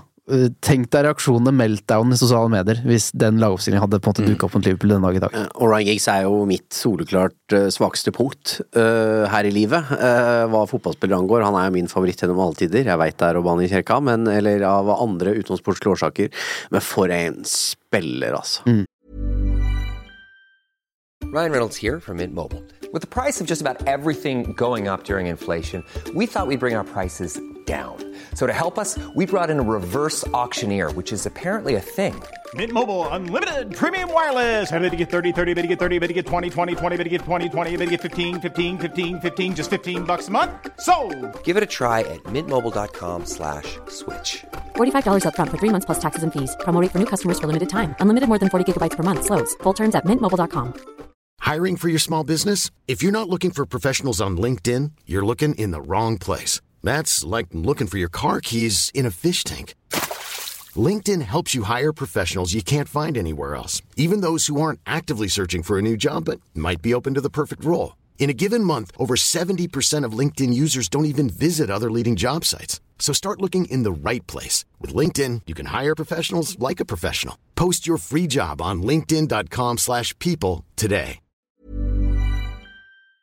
Denne episoden er sponset av Hello Fresh. Nå som det drar seg mot slutten av en lang sesong, trenger vi United-supportere skikkelig næring. Med gode og ferske råvarer fra Norge gjør Hello Fresh det til en lek å lage de herligste retter fra hele verden. Du velger bare hvor mange som skal spise, og hvor mange oppskrifter du ønsker ukentlig. Så får du alle ingrediensene du trenger, levert på døra. Personlig syns jeg det beste med Hello Fresh er at du kan skreddersy din egen ukesmeny. Du kan velge fra fem forskjellige kategorier. Vegetarisk, familievennlig, rask og enkel, fisk og grønnsaker, og smaker fra hele verden. Med 25 fristende oppskrifter hver uke kan du bli like uforutsigbar på kjøkkenet som Garnaccio er på Vingen. Selv må jeg si jeg er spesielt svak for asiatisk taco og den portugisiske kyllingburgeren. Som Uno-lytter kan du få opptil 1779 kroner rabatt på de seks første matkassene dine, og gratis frakt med første leveranse. Så det er bare å komme seg inn på lowfresh.no og bruke koden FreshUnited. Dette gjelder for de som ikke har prøvd Hello Fresh ennå, og for de som tidligere har vært kunde, men som har stoppet abonnementet for minst tolv måneder siden. Eh, og eh, det derre steget eh, og, og han er jo en gammel mann da, Mm, ikke mm, sant? er. I, eh, i, i 06-07, eh, men en fantastisk eh, bidrags, eh, bidragsyter til det ligagullet. Og det er jo, Vi ser disse sesongvideoene, og han er med i alle. Altså, Ja, ja. Jeg tror de slutta å produsere de her under Fangal. Eller, ja, det er jo Det ga seg med gigs. Og det er jo som å se, hvis du setter på de første og de siste, det er som å se to forskjellige spillere. Og det er jo det som er så sjukt med Ryan Giggs. Også Ferguson eh, tilpassa seg på den moderne fotballen eh, på, på, på veien her, utafor banen. Henta inn Quieros og, og sånn som vi har snakka litt om. Og Giggs gjør det på banen, med yoga og er så profesjonell. Han spiller ikke Sokam, han har ikke han det bruker ikke tid på det. Det hadde han definitivt ikke tid til. Tolken som du vil. Ja, nå skulle jeg avslutte her. Mar- Nei, du får ikke lov til å avslutte ennå. Jeg er ikke Men- ferdig med gigs ennå. Nei, Nei, jeg skal kanskje til gigs, Men men jeg, jeg vil også si noe mer om gigs. Fordi eh, når vi snakker om disse videoene Det jeg har eh, det Jeg har en sånn absurd VHS et eller annet sted, mulig den ligger på loftet hos eh, faderen.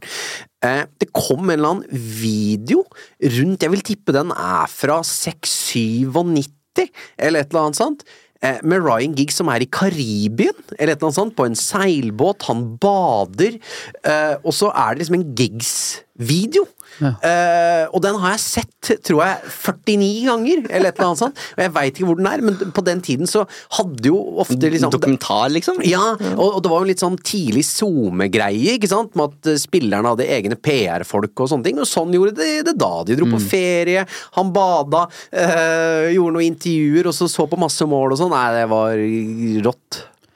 Det som, det som eh, også en kommentator sier vel når jeg tror Giggs blir kåra til månedens spiller eller noe, så er det sånn et av de største forbildene vi har i, i Premier League, de mest profesjonelle.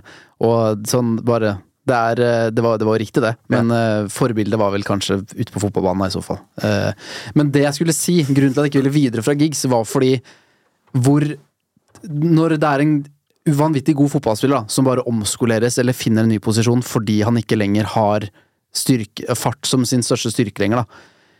Det var det vi antok at Wayne Rooney skulle gjøre lekende lett. At den dagen han ikke lenger fungerer som spydspiss, så er det ned å være nye Paul Scholes og bare strø disse pasningene. Det at Giggs skulle gjøre nettopp det, da, å bli en fullgod fotballspiller, herje mot Real Madrid i Champions League noen år senere, da han var enda eldre, Send Rashford ned på sentralen mitt, liksom, og se åssen det går. Ja. Bare for å illustrere hvor vanvittig stor prestasjon og hvor god Giggs var, da, som kunne gjøre det der med største selvfølgelighet, noe Wayne Rooney ikke var i nærheten av å kunne få til. da. Det sier alt om hvor god Giggs var, syns jeg. Og jeg snakka om Ferguson-middagen, eh, og nå snakker vi da om supporterklubbens president. Ja, som også hadde middag i Oslo eh, noen år etterpå. Jeg var også der. Da var det ikke noe røde kort i VM å Nei, ta nei, det var til. bare happy days. All right, tilbake til eh, terminlista her, fordi vi har snakka mye om skader og, eh, og en bred tropp, men det trengs en brikke til her. Og eh, skal vi kalle det et nødlån? Eh, Henrik Larsson kommer inn, eh, 35 år gammel fra Helsingborg. Og det må jo være et av de største sjokka. Altså, hvem så den komme, liksom? Nei, den var rar. Eh, og scorer jo i FA-cupen der. Og, Debuterer mot Villa i FA-cupen og skårer. Kunne ha tre. Skårer Ja. Eh, og for meg, da, uh, så, så jeg, jeg satt aldri helt på det toget. Al al altså, det var litt sånn Og det snakkes om Om det er mulig, vi var jo aldri inne i den garderoben, aldri inne i, det, i, i den troppen og liksom innenfor husets fire vegger på Carrington, men jeg så liksom aldri greia på, på banen, hva som var så spesielt med Henrik Larsson. Eh, for meg var det bare to bein som kom inn. Jeg tror det handler om at det var veldig overraskende at han kom. Eh, og så tror jeg det var overraskende at han var såpass god som han var som 35-åring. De sier at han løp som en eh, 20-åring på, på Carrington der. Eh, og så blir det jo bare tre mål på 13 kamper! Så han spiller jo ikke noe avgjørende rolle eh, med de måla han scorer, egentlig. Men alle som var i, i garderoben på det tidspunktet her, snakker jo om at han har en aura, han er en rollemodell, han kommer inn og er en inspirasjon. Så vi, vi må jo bare tro på det, at han, han eh, kom inn der og, og utgjorde en forskjell i garderoben, i hvert fall. Det tror, jeg sånn, det tror jeg er veldig sterkt, for jeg tror at den har blitt veldig romantisert og overvurdert den tiden han hadde. Men så tror jeg at når vi sitter her nå, så tror jeg vi undervurderer det. Det er riktig. Jeg tror det er en at det var En mellomting. En mellomting der, Mm. ja. For han skårer Han blir matchvinner i en match. Han skårer i den eh, Villakampen hvor Solskjær blir matchvinner. Hvor joggebuksemannen i Ja. villaburet fomler inn et Solskjær-skudd. Eh, og så skårer han sitt eh, Det tredje han har, er vel i en kalasseier, tror jeg. Han bare skyter i det fineste målet er jo det som ikke blir mål. Eh, Det er Neville som chipper igjennom som om Stemmer det. Scholes skulle gjort det, og han smeller den inn på volley, tror jeg, i, i hjørnet, og så er det offside. Men Neville må jo ha vært furious over at den ja. Jeg husker eh, jeg var på Bishop Blaze en eller annen gang denne sesongen, her, og jeg, eh, og jeg husker jo ikke alt av kamper alltid, eh, men det er under Larsson-perioden hvor det er noe sånn Oh, Henrik Larsen, he's a Swedish goal machine. He used to play for Celtic, but doesn't know Roy Keane. Han er fint. Ja. Det holder for meg. Ja. Men uh, han sier jo i avskjedsintervjuet at liksom unfortunately, jeg får ikke vært her lenger. Uh, og spillerne er veldig sånn Vi skulle så gjerne ønske at han fikk mm. bli her. Og det er veldig standard å si det. Altså, Altså, du, det, det er jo en profesjonell måte å takke av noen på, men det er noe med orda som blir valgt, og måten det blir sagt på, som gjør at det høres veldig ut som at det er ordentlig leit at ikke Henrik Larsson får vært der mer enn de tre månedene han faktisk blir der. Og litt sånn absurd å tenke på at det er en nordmann og en svenske Ja, som ja. begge er sånn aldrende og litt Ja. eh, småferdig, eh, rett og slett, som, som er med på å gi United et etterlengta ligagull etter hvert. da. Og så gir det jo, eh, i hvert fall meg, følelsen at liksom åh, kunne ikke kommet litt før? Altså Kunne vi ikke vært på han her, og så kunne han vært United spiss i fem-seks år? Litt sånn som eh, Nå, nå blei jo van de Saar lenge, da. Ja. Lenge, Mm. Lenger enn vi skulle tro, men, eh, men ja. Det er to lag som slår United to ganger denne sesongen her. Det, er, det ene er Arsenal, det andre er Westham. Åh, nå trodde jeg du skulle quize oss. Ja. Jeg var klar, jeg. Oh, ja, sorry. Nei, det går helt fint. Den Westham-kampen eh, på Upton Park, vi har vært inne den før så vidt, men den husker jeg så godt. Da, eh, for da er du innom det du snakker om, du er på ditt mest fanatiske eh, i, i den alderen der, i tenåra. Jeg husker Giggs blant annet har en eller annen bom som han skyter over. Eh, jeg var så sint. For den var så seig, eh, det tapet der. For da har du jo allerede kommet inn litt den derre eh, tvilen etter eh, noen år i litt mørke der. tenkte jeg, nå nå bare rakner alt der. Ja, fordi United har vel på et tidspunkt tolv poengs ledelse på Chelsea, så er det ned i seks igjen, og så er det ned i fem, og så er det opp igjen i Nå bare sier jeg noen tilfeldige tall her, men jeg tror avstanden gikk fra å være stor til å bli minska ganske ofte, da. Eh, var det Alan Kerbisley som var Westham-trener på den tida der? Var han i Charlton Han var i Charlton først. Ja, og så gikk han jo Ta til Westham. litt uh, Og, Al det- det- og Alan Kirbysley, hvor ble du av i alt mylderet? du av, ja? Ja. Uh, så han uh, For det er vel Bobby Samora og sånn. Uh, meget sterk sang på han nå. Jeg skal ikke synge Ja, flere, men eh, det er noe med at han treffer bakerste rad. Ja. Det er han som har skutt. Ja. Det er riktig, det, altså. Han, han var i Westham fra 2006 til 2008, og ganske riktig, siden har ingen sett den. Nei. Men han tok en dobbel da, mot United den sesongen der. Ja. Eh, Ja. redde vel plassen i siste match med Carlos Tevez som matchvinner. Vi spoiler litt, men eh, Ja, det er for dere sorry. som ikke var på jordkloden i 2006, bare leve med. Jeg røpte ikke utfallet av United sin sesong, bare Westham sin. ja. Spoiler alert. Um, nei da, men vi er nå på nyåret i januar. Larsson har kommet inn. De, har, eh, de, de taper nå mot Arsenal. Rooney sender United i ledelsen, men eh, van Persie og Henry snur. Men så er det sju på rad etter det. Festfotball, eh, rett og slett. Rooney med en sånn Cantona-chip mot Pompey i FA-cupen der. Eh, 4-0 mot Watford. eh, Der har også Rooney en sånn lobb. Veldig høy lobb. Veldig høy. eh, Etter å ha blitt chippa Med gjennom av innsida av foten, tror jeg. Løfter den sånn ti meter opp i lufta. Og den skuddteknikken hans ser vi flere ganger den sesongen her. Den måten han tar på spretten.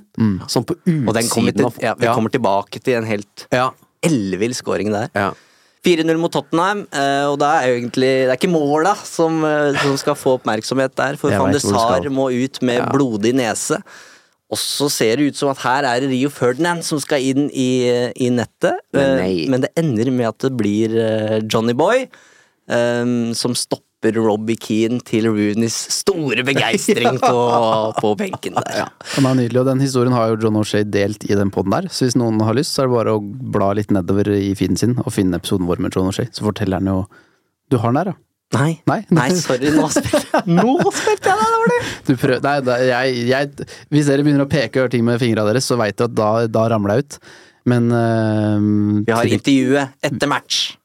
Det holder. John, how proud are you of your clean sheet? Yeah, yeah, very proud. I just asked Ed- Edmund, did he have a clean sheet bonus? Because uh, I won half of it. But no, very, very happy because the manager said when I came on in midfield to, to tell the defenders, make sure we keep a clean sheet. And then I saw Robbie bearing down on me. I thought he was going to try and stick it through my legs, but I just got lucky, got lucky on that one. And no, I was proud of the, the players, the way they played, especially at the start of the second half. Men hva sa han? Husker du det? Ja, han si, jeg mener å huske at han har eh, drevet med en nasjonalsport i Irland. sånn Gaelic football eller noe? Gaelic, ja. Ja. Og der har han stått keeper. Så det er derfor han sier 'hallo, Rio, ta deg'. Mhm. jeg, har, eh, jeg har stått keeper, dette kan jeg. For Rooney er vel sannsynligvis supermisunnelig her. Uh, Ja, ja. For han elska jo å stå i mål. Eh, så han gjorde det. Men er det- ja. Ja, Men ja, er han det- elska å være keeper på trening! Men er det en ekte film, eller er det en reklamefilm? Det er reklame. Det er reklame, det er Ja. Når han legger ned ballen, dribler Ja, og ja, ja. ja, som keeper der, ja. Ja, men eh, ja, Så det er, det er storyen. Men Rooney hadde nok hatt uh, lyst til å claime denne. Ja, og jeg er veldig sikker på at Lars Morten Olsen var på White Hart Lane den dagen, og uh, han hadde jo The Time of His Life uh, på, i, i borteseksjonen der, og Ireland's Number One og sånne ting som eh, runger fra United-fansen. Nei, det var nydelige greier. Men det er late winners som smaker best, og vi skal til to seirer som skal bli helt avgjørende her i februar og i mars. Den ene er mot Fulham.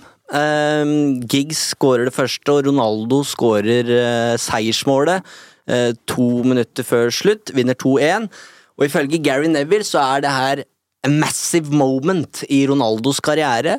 En seier som kanskje ikke vi som, som fans husker så veldig godt. Jeg husker den Jeg husker den veldig godt. Ja, ok, Greit, da har Neville feil. Men de husker den i hvert fall veldig godt i garderoben, fordi det var For, eh, for Neville så var det øyeblikket som han skjønte at han er the real deal. Han kan vinne. Han kan vinne ligaen for oss, på samme måte som Cantona og Schmeichel gjorde i, i 95-96. Uh, og han mener også at dette er Ronaldos beste sesong. Så her eh, ja, et eh, vendepunkt i Ronaldo-karrieren, skal vi tro Neville, da. Ja, jeg vet ikke om du misforsto meg der, men jeg husker den altså utrolig Ja, godt. Ja, ja. Altså, for meg er den her en sånn uh, virkelig sterk, sterk opplevelse, da. Uh, og det var det Garnaccio-skåringen forrige sesong ble jo litt sammenligna med det Ronaldo uh, gjorde på Craven Cottage der. Og den var Den var viktig, altså. Og skikkelig sånn det der å gå berserk når du sitter i stua, eller om du er på stadion, eller hva det er på, eh, når det nærmer seg Da er vi jo i squeaky bump time, egentlig, som uh, Troy Alex eh, så ofte refererte til. Og van Gaal Så- forsøkte. Ja, forsøkte. uh, så nei, den der var svær. Men det kommer en enda større. Men jeg husker jo veldig godt uh, skåreren til Giggs også, som er Det er det innlegget på bakre hvor Ja. han med utsida av venstre venstre. skyter den tilbake i hjørnet. Og United sin evne denne sesongen er til å både vinne kalasseiere, men også grave frem disse seierne på dårlige dager. Da. Det er det som også blir kjennetegn til slutt, og som United Det hadde vært fint om de Ponte kunne gjøre det den dag i dag også. Tell me about your goal celebration. Why did you run straight to Gary Neville? No, Gabby. Gabby. Gabby. Uh, no, because he's my friend. It's not only Gabby, for, for the bank, for, for my players, for my colleagues, Patrice, Gary, but special for, for Gabby, because he's, my, he's a good friend. And uh, he, he told me before the game, uh, I score one goal, and I go straight to him. Gabby Ron- Ronaldo om Gabby der. Gabby Han løper i, i eh, fanget til Gary Neville, så jeg skjønner ikke helt hva han surrer med. Men, eh, men eh, vi stopper litt opp med Ronaldo, for det her er Dette er jo på sett og vis gjennombruddet. Det er jo her han går fra å være en fyr som dribla og filma og fikk hets uansett hvor han dra, dro, til å bli den stjerna han skal bli, og ikke minst den fysiske transformasjonen han går gjennom her i, i løpet av sommeren. Han kommer tilbake som en mann og gjør reint bord på, på prisgallaen etter hvert her. Vinner årets spiller både fra journalistene, fansen og spillerne, eh, og også årets unge spiller, så fire årets spillerpriser til, eh, til Ronaldo. Obviously, the people in this room and the players in this country think that he's the best player in the country. Would you go further than that? Well, I think that um, he's, he's been fantastic. The improvement, his development is fantastic. And I think he's certainly, I think at the moment he's the best player in the world. Ja, eh, der er jeg enig med, med manageren, eh, og jeg er også enig med Gary Neville at dette For meg er nok det den mest monstersesongen til Cristiano Ronaldo, fordi han, han står fram og vokser opp, akkurat som han vokser også etter den der VM-greia med, med Wayne Rooney. Eh, og han var jo, eh, etter hvert som han drar til Real Madrid seinere og blir mer spiss, da, men det er jo denne Cristiano Ronaldo som gjør at han eh, Han var helt unik, da. Det var helt, helt, helt sjukt. Og den trademark-scoringa hvor han kommer inn fra kanten eh, og bare rykker litt unna bekken og hamrer den liksom ned i hjørnet der. Um, Men gikk også på utsiden og la inn. Der, der var, der, jeg tror først i neste sesong at han egentlig gjorde alt på egen hånd. Alt gikk inn og skøyt, at derfor tallet blei så stort. Men det var et sjokk hvor god han blei på så kort tid, fordi stjernestatusen hadde han alltid potensial, visste jeg at han hadde, men i form av skåringer og sluttprodukt, da, så var det ganske mangelvare fram til akkurat den sesongen der, og så eksploderte jo det neste. Men dette kom veldig overraskende på at han hadde den evnen til å, hvis jeg husker riktig, da, at det var ok, så han kan, han kan dette. Det er ikke bare overstegsfinter og frispark i god posisjon han skal for seg, det er skåringer for laget sitt også. kommer headinger og hele repertoaret etter hvert. Enorm. Men som du sa, Jon Martin, eh, 2-1 mot Fullham er eh, fint det, men det var ikke den største eh, seieren på vinteren der.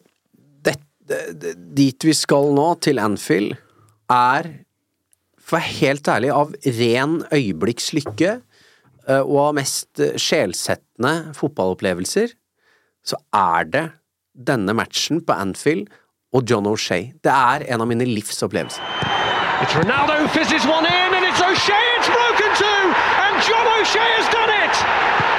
In stoppage time, isn't that just the hallmark of champions?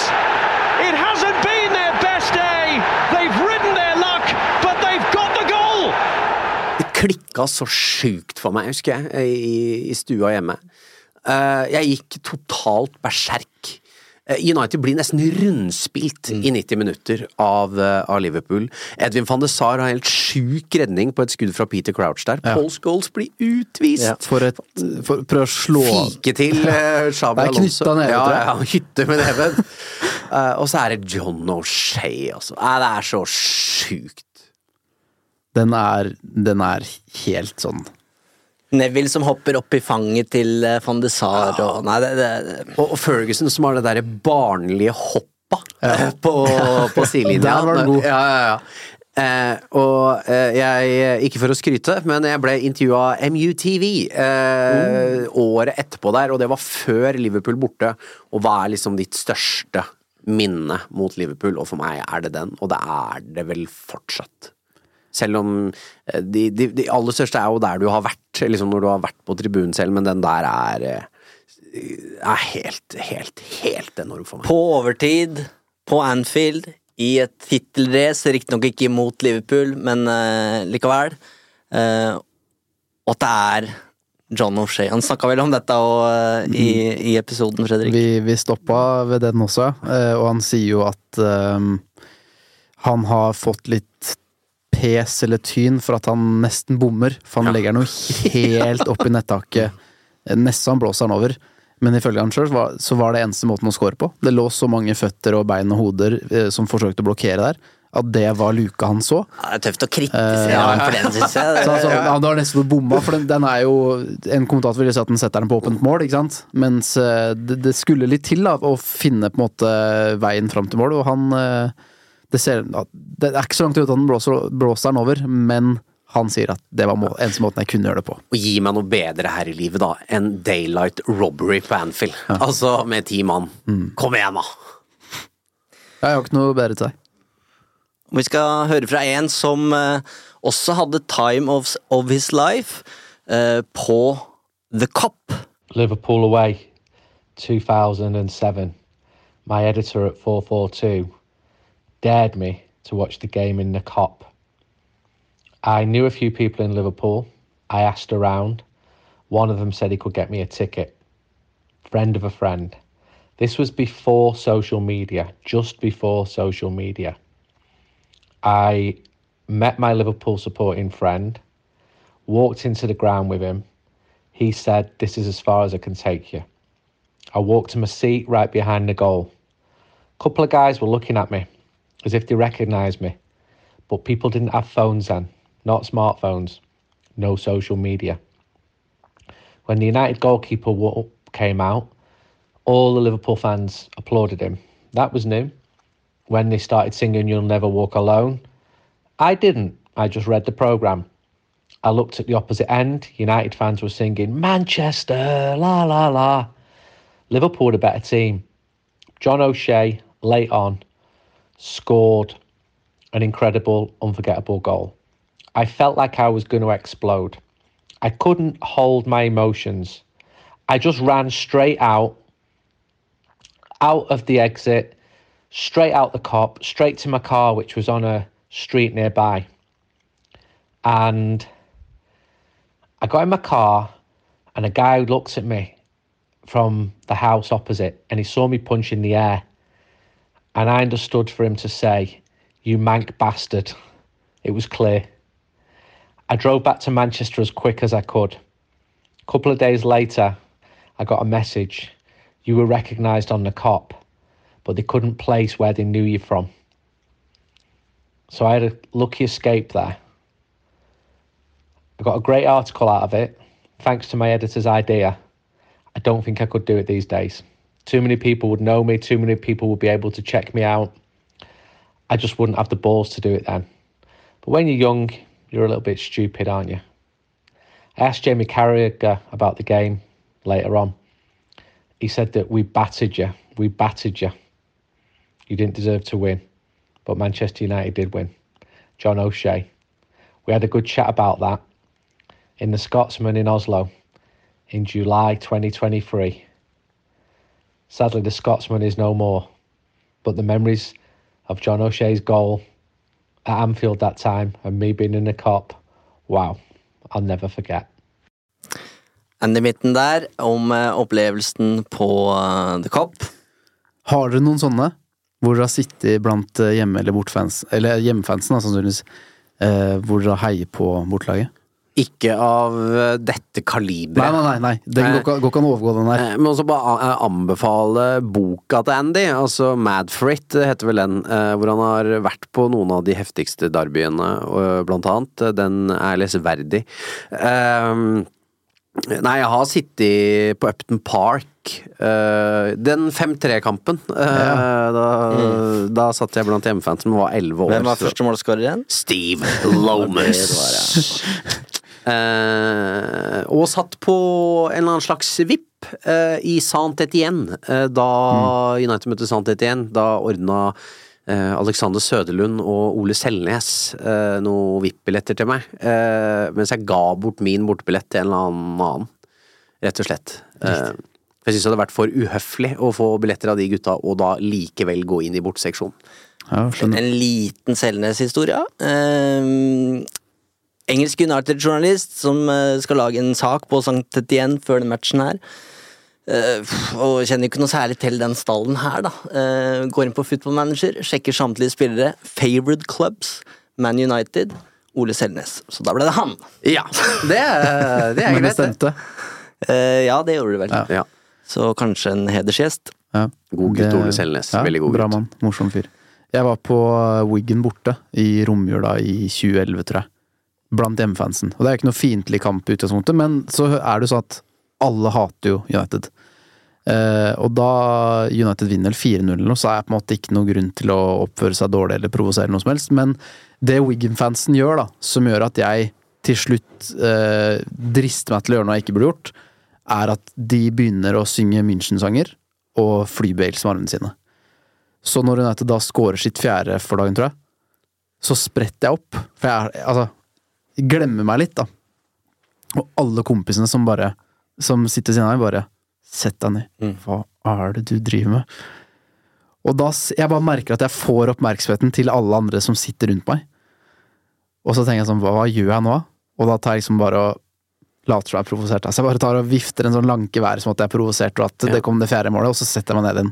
Men da føler jeg meg ganske avslørt. Og det er ganske ubehagelig setting, så jeg kan bare innbille meg hvordan det var for Andy Mitten å sitte Ja. blant uh, Kopp-fansen. Men samme dag så var jeg i borteseksjonen, så jeg kunne juble. Du kunne juble. Ja. Uh, lytter av podkasten Simen uh, og min eh, barndomskompis var på White Hart Lane som tiåring. Uh, jubler hemningsløst når United scorer. Får så mange blikk eh, rundt seg at mora sto bare og holdt rundt den så hardt du kunne resten av, av matchen. Og det var en tiåring. Ja. Eh, så ja, det er ikke noe å tulle med det der. Nei, det er ikke det. Ok, eh, fra Anfield til eh, Ja, vi skal jo vi skal til Frankrike. Eh, vi har nettopp vært der med Sankt Etienne. Nå skal vi til, eh, til Lill. Eh, United da har trukket eh, Lill i åttedelsfinalen i Champions League. Og eh, ja, det er to matcher som det er lett å glemme, for så vidt. Fordi det er eh, Roma-kampen som vi kommer til, som, eh, som vi skal til. Men nok av dramatikk her også.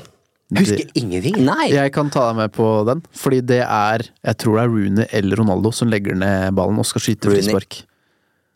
Og idet Rooney legger ned ballen, så er det Giggs som tar et kjapt frispark mens keeperen står og dirigerer muren.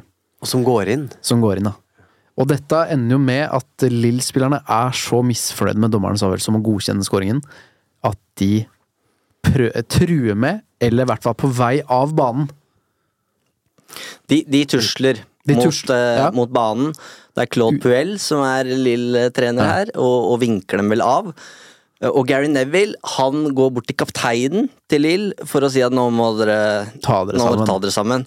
Eh, Så han følger jo på en måte kapteinen på vei ut av banen. Eh, Og det får Ferguson til å klikke. Eh, Han sier 'kom deg på måte på banen, Gary'. Du skal ikke, ikke blande deg. Eh, Gary svarer 'fuck off'. Og som han skriver i boka si, han hadde sagt 'fuck off' mange ganger. En million ganger. Men aldri til Ferguson. Så han, kampen blåses i gang etter hvert, og Gary Neville veit at her venter det en hårføner.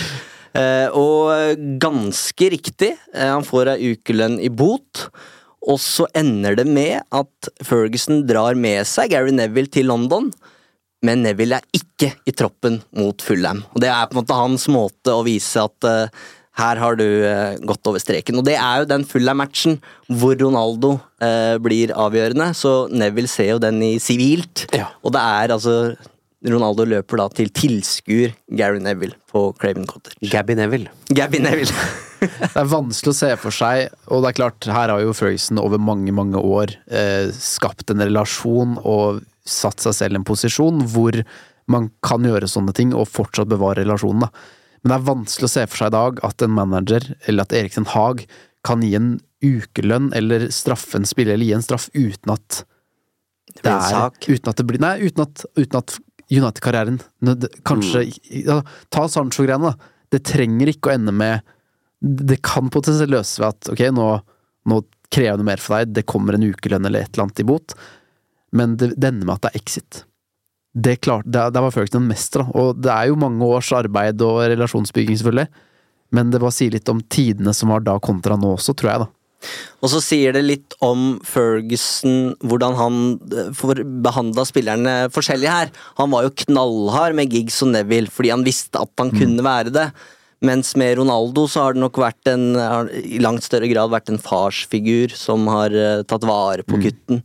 Og Nani og sånn har vi vel også hørt oss i ettertid. Han hadde jo begynt å grine. Altså, altså det, men det handler liksom om at eh, du må ja, behandle folk ulikt, da. Mm. Det Lill-laget er bare for jeg måtte se på det laget, for jeg husker heller ikke de kampene veldig godt. Men det er jo noen Premier League-kjenninger som, som kommer til Premier League etter hvert. da. Eh, Kabay, eh, Debussy, Odemingue eh, Det er ikke sånn du sier det. Odemwingie, Makon, Lichsteiner, Mirallas. Eh, Men det er et lille lag som United skal slå, og det gjør de. De vinner 1-0 hjemme også. Eh, Henrik Larsson med ett av sine tre mål på et eh, Ronaldo-innlegg. Eh, og det er eh, det siste målet Larsson skårer for United. Han reiser hjem etter tre måneder til Helsingborg. De forsøker vel å få han til å bli, som du var innom, Fredrik. Men han holder ord og reiser hjem til Helsingborg, og har vel sagt i ettertid at han angrer litt på det. Det kan jeg forstå, for det er forstå. alltid plass i Helsingborg, Ja. på en måte. Det I det herberget er det alltid plass. Det Eh, Så, men, men. Smith kom jo tilbake fra skade eh, og tatt over for, for Larsson, eh, men skårer bare ett mål eh, den sesongen her, før han selges til Newcastle på, på sommeren. Men det er jo til gjengjeld et eh, mål vi husker meget godt. Skal vi gå rett til Roma? La oss gjøre det. Ja. Um, United trekker Roma i, i kvartfinalen der. Um, og skal til den italienske hovedstaden først. Og det blir jo vrient når Scholes pådrar seg to gule kort på 34 minutter.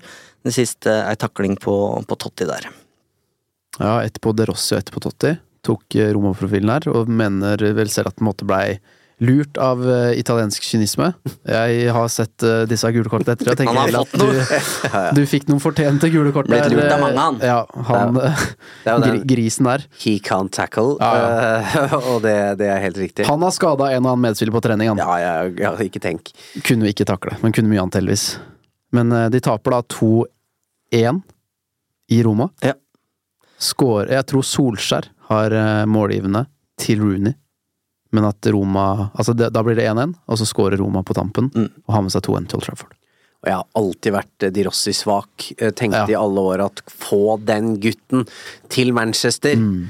Uh, men uh, han fiksa noen tur til Manchester, men ikke, ikke som United-spiller. Jeg møtte De Rossi på en flyplass en gang.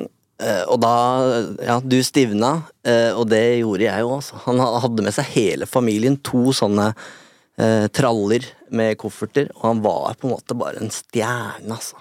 Svær. Han hadde pakka utseende med seg, fotballferdighetene med seg, italiener. Men det var litt dramatikk på tribunen her, var det ikke det? Er det den eh, Jo. Der er det noe Der skjedde litt greier som ikke var helt bra. Det er jo eh, anspent i byen før match, og i pausa så barker Roma United-fansen sammen på tribunen. Og det er jo enkelt og greit bare fryktelig håndtering av italiensk politi. Du ser altså engelskmenn som ligger nede for telling, og bare blir banka av politimenn som slår igjen og igjen og igjen med batonger. Eh, så det er jo Jeg tror det er 18, 18 engelskmenn som må på, på sjukehus. Eh, ingen som, som mister livet. Men eh, ja, fryktelige scener. Kjenner en som var der, og som da rett og slett ble knivstukket i rumpa. Ja, det var det jeg skulle til å si og spørre om. Fordi det er jo nest eh, I 2009 så spiller United eh, finale i Roma. Jeg reiste dit. Eh, jeg kan ta hele historien senere, for jeg kom meg ikke inn. Nei. Eh, men da blei vi advart. Det var jo mot Barcelona, men da blei vi på forhånd advart mot Roma Ultras. eh, og knivstikking med da ikke døden til følge, men eh, vondt i rassen. Ja, det, Det var uh, Det er knivstikker opp Og- rumpa. Ja, Eh, og ikke, det er jo fælt, du kan ikke le av det, men uh, denne mannen som fikk eh, kniv i ræva, det er han har norsk pass, han kan holdes anonym. Han sleit på flyturen hjem, Mm. uh, fordi når du skal bli sittende uh, i flysetet med knivstikk i ræva, det er smertefullt. Sjukt opplegg, altså. Ja, veldig. Så kan du si det, det var jo kaos i Frankrike òg. Da var det for mange United-fans på bortetribunen. Du var der, var du ikke det? Nei, ikke i Lille, men jeg var i Marseille. Da, Men si, fransk og italiensk politi Engelsk òg, spør du meg. Ja, men fransk, og jeg sier det igjen, fransk og italiensk politi i forbindelse med fotballkamper, nei. Det er de, de slår først og spør etterpå. Ja, det gjorde de, det gjorde de spanske i eh, Madrid også, da United var på besøk der, mener å huske. At de, eh, blant annet noen danske fans, fikk juling i Madrid, og tror politifolk i utlandet generelt er jo noe Er det spesielt for engelskmenn? Ja, det tror jeg. Fordi Det handler nok De er engelskmenn. Ja, det er mye også rykte til eh, det engelske landslagets fans med hooligans-biten. Eh, og det så vi jo under et mesterskap i Frankrike for ikke så altfor lenge siden. eh, at engelskmenn har en egen evne til å havne, havne i trøbbel. Uh, og, uh, men sånn som jeg har opplevd United-fansen på tur i, uh, i Europa, så, så er det ryktet som tar deg, mer enn at det er Selvfølgelig er det al- alltids idioter ute og går, men å angripe hundrevis med tåregass og batonger, det eh, har vært veldig uberettiga. Det fremstår ofte som det er ganske uprovosert at det skjer, eh, og det er ikke ofte vi siterer Henning Kvitnes på den der, men evig eies kun et dårlig rykte. Før vi forlater eh, Italia, så skal jeg ta dere med på en eh, liten ferietur til eh, Firenze. For jeg var der sammen med min kjæreste og min søster og hennes kjæreste. Og så skal vi ut og spise på kvelden der. Tusler langt, langs Firenzes gater. Og så går jeg litt foran de andre. Vi går forbi et hotell som er sånn klassisk, hva heter det? At man har en sånn Ja, inngangen er veldig flott, i hvert fall, da. Eh, Og opplyst. Og In- inngang var ordet du Inngang, etter. takk. Tipper bare det har et flott navn. Men, eh, men i den inngangen så står det en, en mann som jeg begynner å dra kjensel på, så jeg stopper opp. eh, Og så glaner jeg sikkert, rett og slett. Mens jeg prøver å finne ut hvem er, hvem er, hvor har jeg sett han der før? Så kommer det en moped kjørende bak meg, og så stopper han, drar opp visiret, og så sier han 'yes, it's him', og så kjører han videre. Mannen som står der, er Luciano Spalletti. Ja. Og det er for meg et sånt øyeblikk, apropos det å møte Di Rossi på flyplassen, kanskje ikke så stort.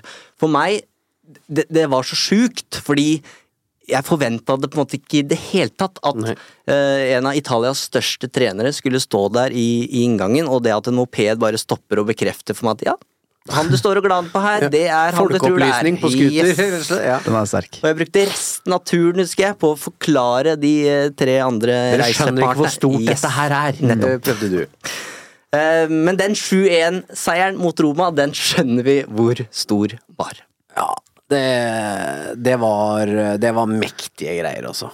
Og da skjønte egentlig ikke Roma hva som traff dem, og vi skjønte heller ikke hva Roma opplevde der. For det var pryl ut av en annen verden, altså. It's a lovely pass for Carrick taken in his stride. And Manchester United hit the front. Ronaldo running with the ball, running past De Rossi, running past Panucci, finding Smith. Now Giggs. Rooney and Ronaldo wait in the centre. Rooney! Here is Cristiano Ronaldo running at Kivu, beating Kivu, beating the goalkeeper. 4-0. All his own Tar dere samtlige målskårere? Michael Carrick 2.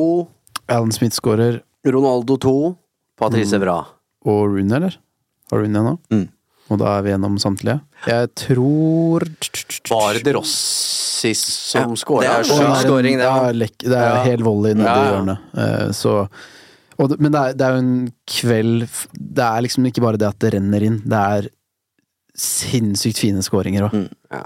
Og som vi var litt innom tidligere her, eh, Michael Carrick blir litt født den dagen eh, i, i den Manchester United-troppen. Og eh, det å vinne 7-1 i, en, eh, i en kvartfinale i Champions League mot et så godt Roma-lag som de var på den tiden, det er, det er ville saker, altså. Og det er, du var innom det tidligere, Jon Martin, men den, det tempo og den kraften de Ja. spiller med i kontringer, og det er innlegg og det mm. langskudd Det er, det er bare så nære et komplett Manchester United-lag som du får, altså. Ja, og det var liksom snakka om før eh, i biografien til Ferguson, han ga seg og sånn, men det å kaste kjøkkenvasken på dem hvis du ligger under og skal gå for en seier det siste kvarteret, liksom, eller sikkerhetspoeng Der kasta de liksom kjøkkenvasken ved avspark!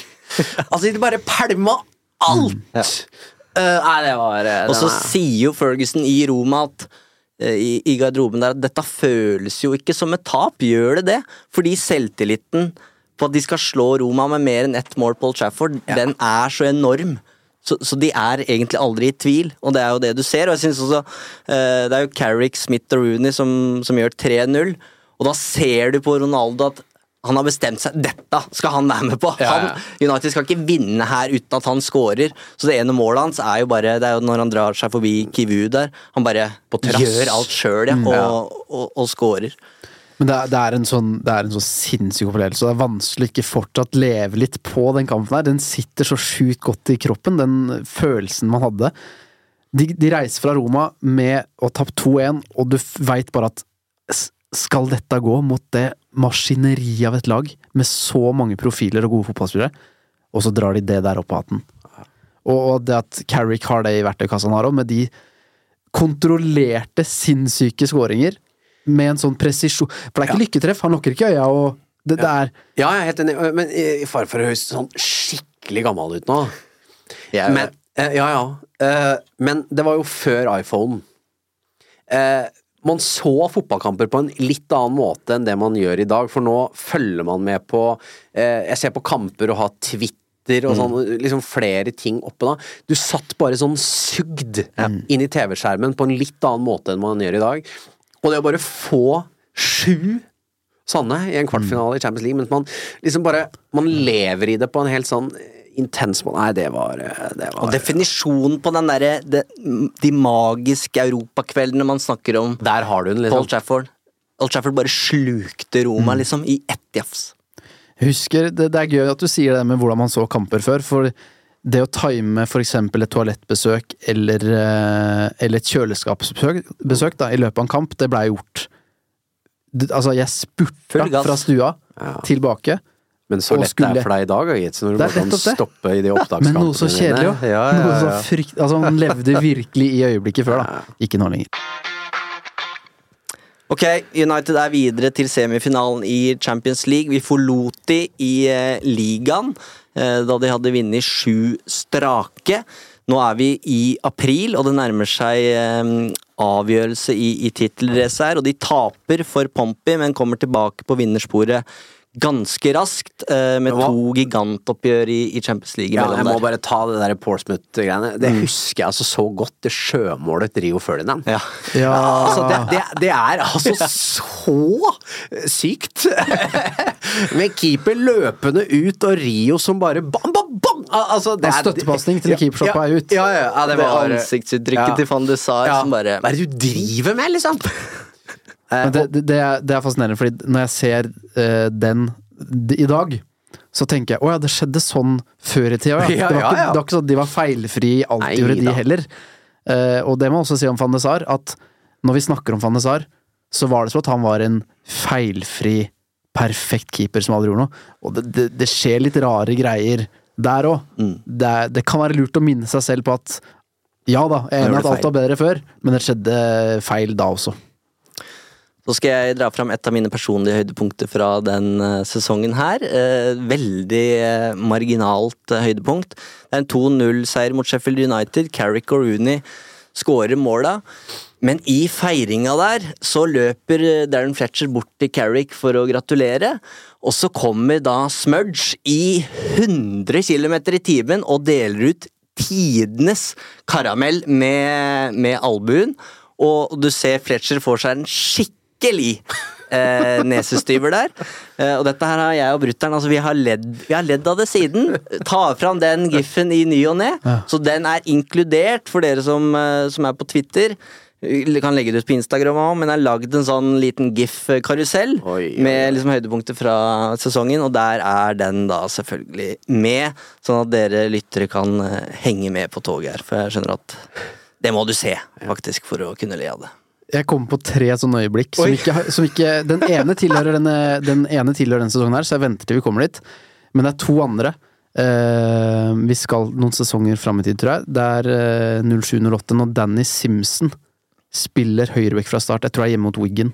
Hvor han skal legge inn, og så kommer Linnemannen mellom ballen og Danny Simpson. Stemmer. Så når han skal legge inn, så måker han ned Lindemann, Og som går rett ned for telling om å bytte. Ja, altså, de må jeg, bytte ja. Lindemann.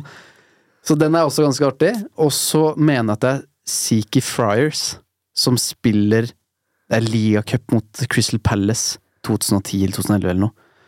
Som hva er det de, Jeg husker bare at den eh, videoen gikk sånn viralt. Altså, Hva var det de kalte det? Ghost tackle eller noe? Fordi han løper med ball, og så tryner han på en måte som gjør at det ser ut som han blir grisetakla, men det er ingen i nærheten, og det skjer to ganger, hvis jeg ikke husker helt feil.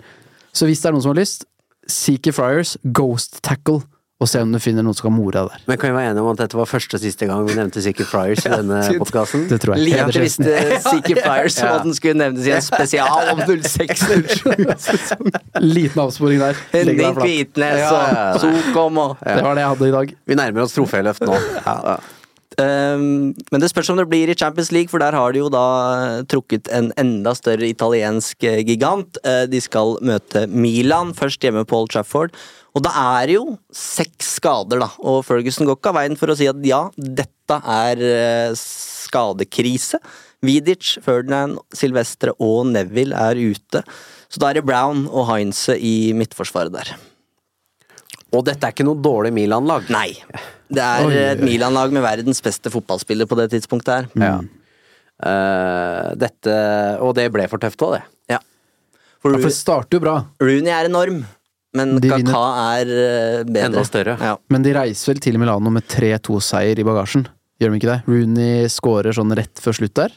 Uh, blir spilt skrått gjennom uh, på sida der. Dunker den ned til venstre, høyre for Dida.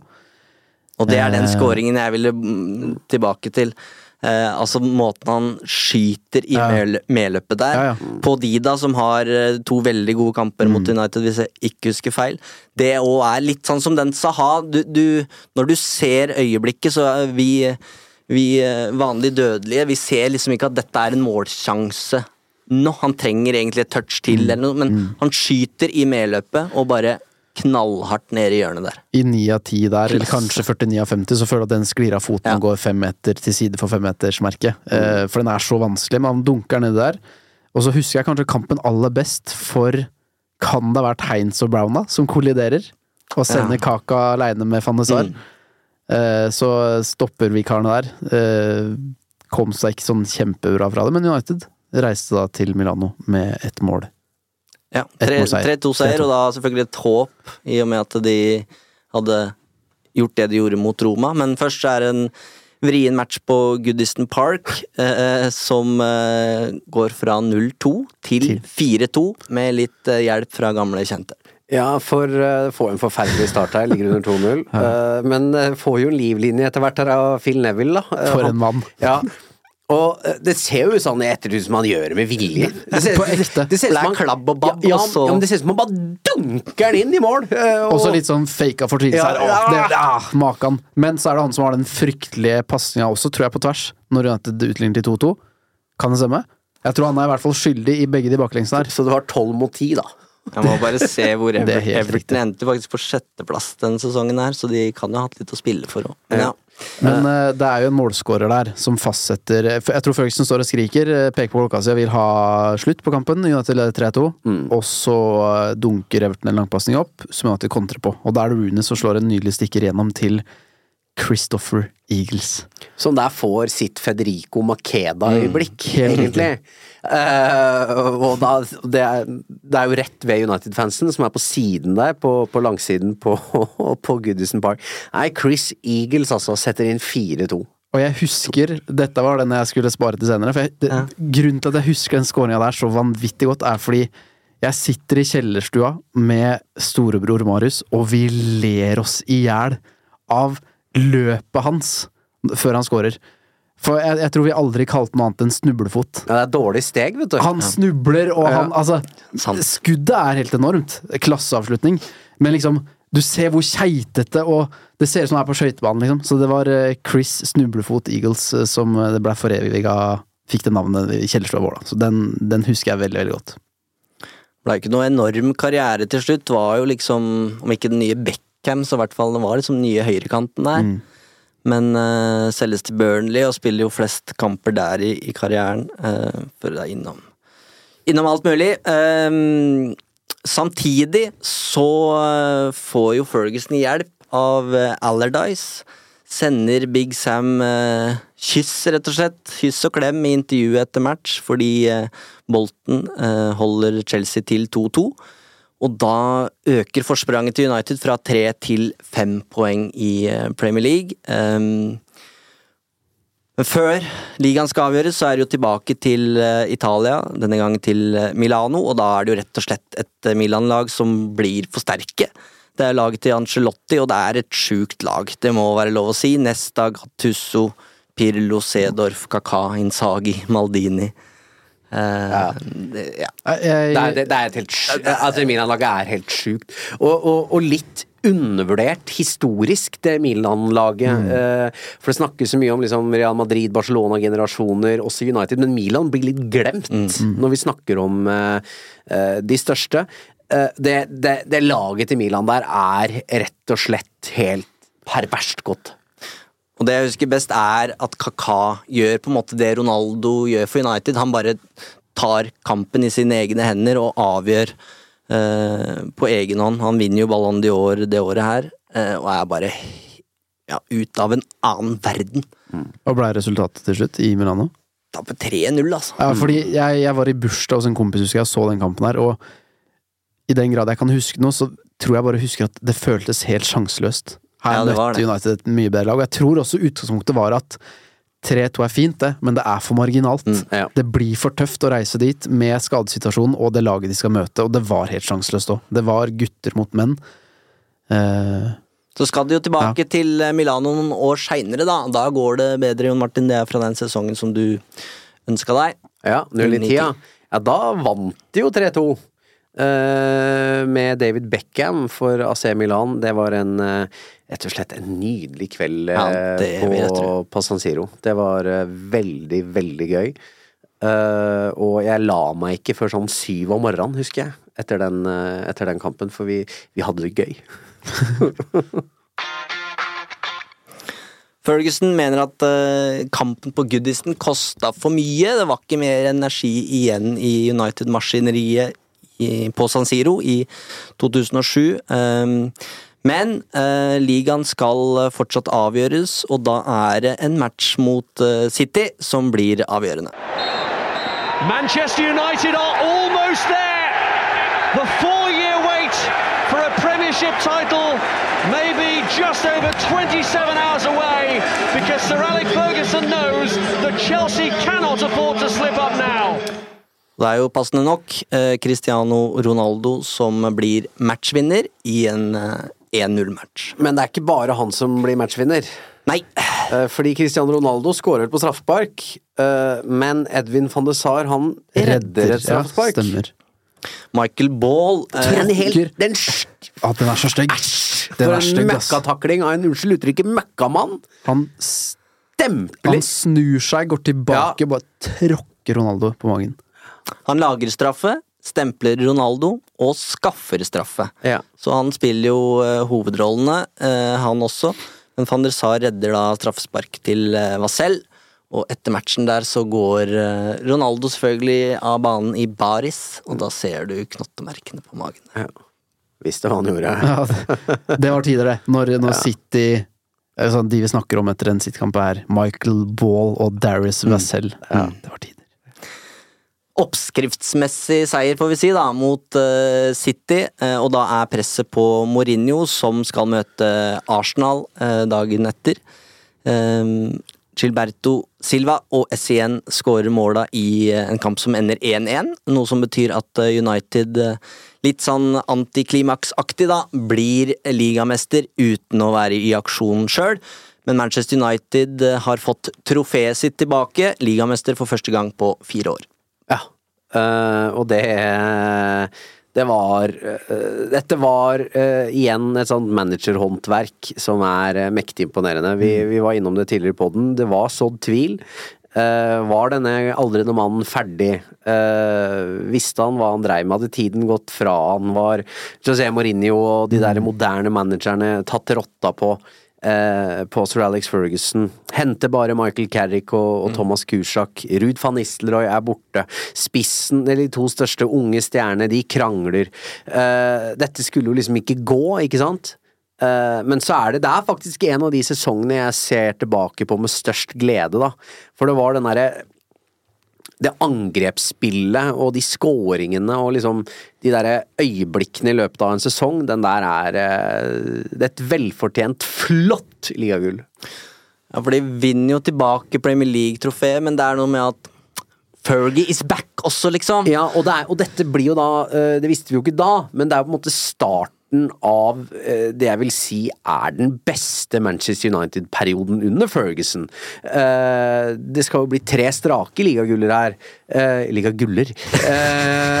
Sitter jeg lenger nå? ja, med der Champions League-finaler også blir dagligdags, ikke Ja. sant? Det blir, se, det blir semifinale denne sesongen her, uh, før uh, det blir en veldig flott aften i, i Moskva, Uh, og så blir det jo disse etter hvert Champions League-tapene for, for Barcelona, men da var Manchester United på toppen av kula, altså. Ja, det er et mesterlag som blir født, og jeg er også helt med, med der, Jon Martin, at det er det beste mesterlaget til eh, Ferguson. Og så ehm, Altså med Rooney og Ronaldo, som vi snakka om, eh, som, som på en måte setter scenen for hele sesongen her, den, den konflikten der, når den er løst, så ligger jo bare verden for Manchester Uniteds føtter her.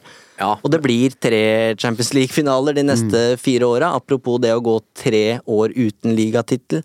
Tenk å få eh, tre Champions League-finaler på fire år. Det virker bare absurd når vi sitter her i dag.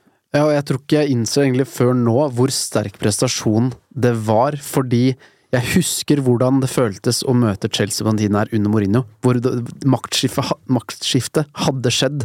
Det var det derre forbanna Chelsea-laget med så mye gode spillere som Svære jævler. Som ideelt sett også skulle havna i United med Arjen Robben og Damon Duff og Michael Essien og de spillerne der. Det var Så jeg tror også jeg liksom tenkte at Ferguson, åssen skal du klare å komme etter det her, liksom? Det kommer en ny, nymotens manager som vinner med kynisme og blendende fin fotball. Det var jo det under Mourinho sin første tid i Chelsea. Og så var det da å komme tilbake vinne sin første ligagull på fire år, og den påfølgende perioden. Det skulle jeg ønske jeg klarte å sette større pris på da det skjedde, ass. Eh, Men eh, vi må jo innom den eh, verden for sine føtter, men de føttene skulle jo en tur til London. Ja, eh, fordi eh, det er en FA Cup Nei, det er ikke dit jeg vil først. Nei, sorry! Nei. Sorry! Ja. Hvor skal du? Vi skal to ganger til London, men la oss dra til ja, jeg Stamford vil til Bridge Stamford først. Bridge først, hvor eh, Sir, Sir Alex Ferguson mønstrer sine verste menn. Men Ole Gunnar Solskjær er vel kaptein, om jeg ikke husker Få noen Det er navn, riktig. da. Dong Ok. Fang Su. Dong Fang Su. Og bare, bare stoppe der. Han debuterer jo der. Ja, debuter. Som et stortalent. Og siden har vel ingen sett den? Jo, Nei, jo det er Det er det vi har. Det er det vi Ja, han var jo i nylig, han. Ja, ja, stemmer det. altså, og, altså, all hun, honnør altså, til, til medieavdelinga til Manchester United som gjør en greie ut at han er på besøk, Paul Mm. Trafford, men hvor mange av følgerne på Instagram var det som liksom bare Å ja, der var er han. Dong! Ja, ja. Var det jeg som spilte av på han? Jeg tror jeg sa til deg, Eivind eh, Du gjetter aldri hvem, men gjett hvilken United-spiller som var Paul Trafford her, da. Altså tidligere United-spiller. Og du begynte med noen navn som liksom var sånn Ja, gode forslag, men det er Dong Fang Shu vi skal fram til. Jeg tror jeg tok den. Ja, det kan Jeg tror jeg tok den. Da Men ha- deg creds for men har du Eh, elveren foran deg nå? Kan, kan jeg eh, Var Chris Eagles. Ja, Chris Eagles tipper jeg. Var Kieran Lee der? Ja. Ja. Eh, ikke Shawcross. Nei. Danny Simpson? Nei, dette er Eh, dårlig. nei. Richie? Eller, eller Jones? Og jeg snakker ikke om Phil. Nei. Gi oss elveren, da. Kortsak, Lee, Brown og Shay Heinze. Eagles, Smith, Fletcher, Richardson, Solskjær og Dong. Ok.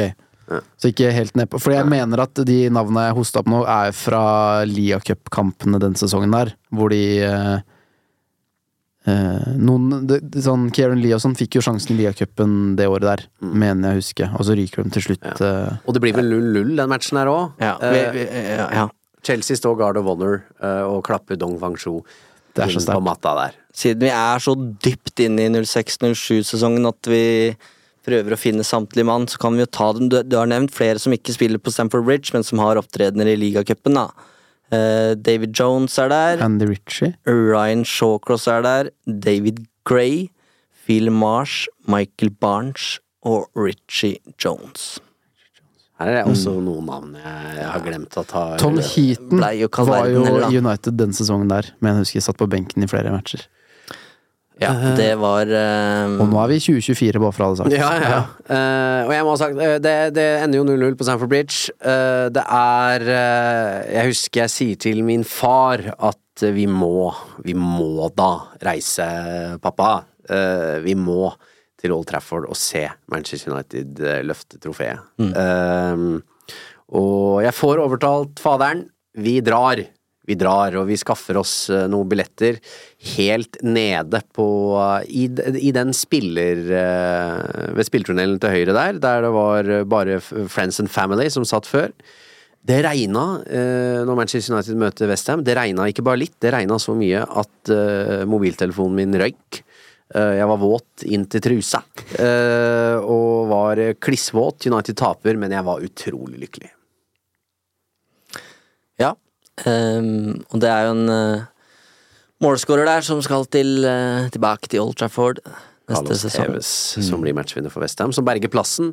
Så det var jo to jublende lag, eh, faktisk, eh, der. Eh, så det var en litt spesiell opplevelse. Visste man eh, allerede da at det var eh, At det var slutt for flere spill... Altså, visste man at Solskjær ga seg Nei. Nei, for Nei. han sier, mener jeg, i intervjuet etterpå at han hopper på flere. Ja. Ja. Men så får han vel et uh, Tilbakefall i sommeren der. Ja. Så eh, det var det. Ja, Vi har jo ikke markert eh, det, men Solskjær skårer jo sitt uh, siste mål mot Blackburn på Old Trafford i mars. mot Brad Friedel.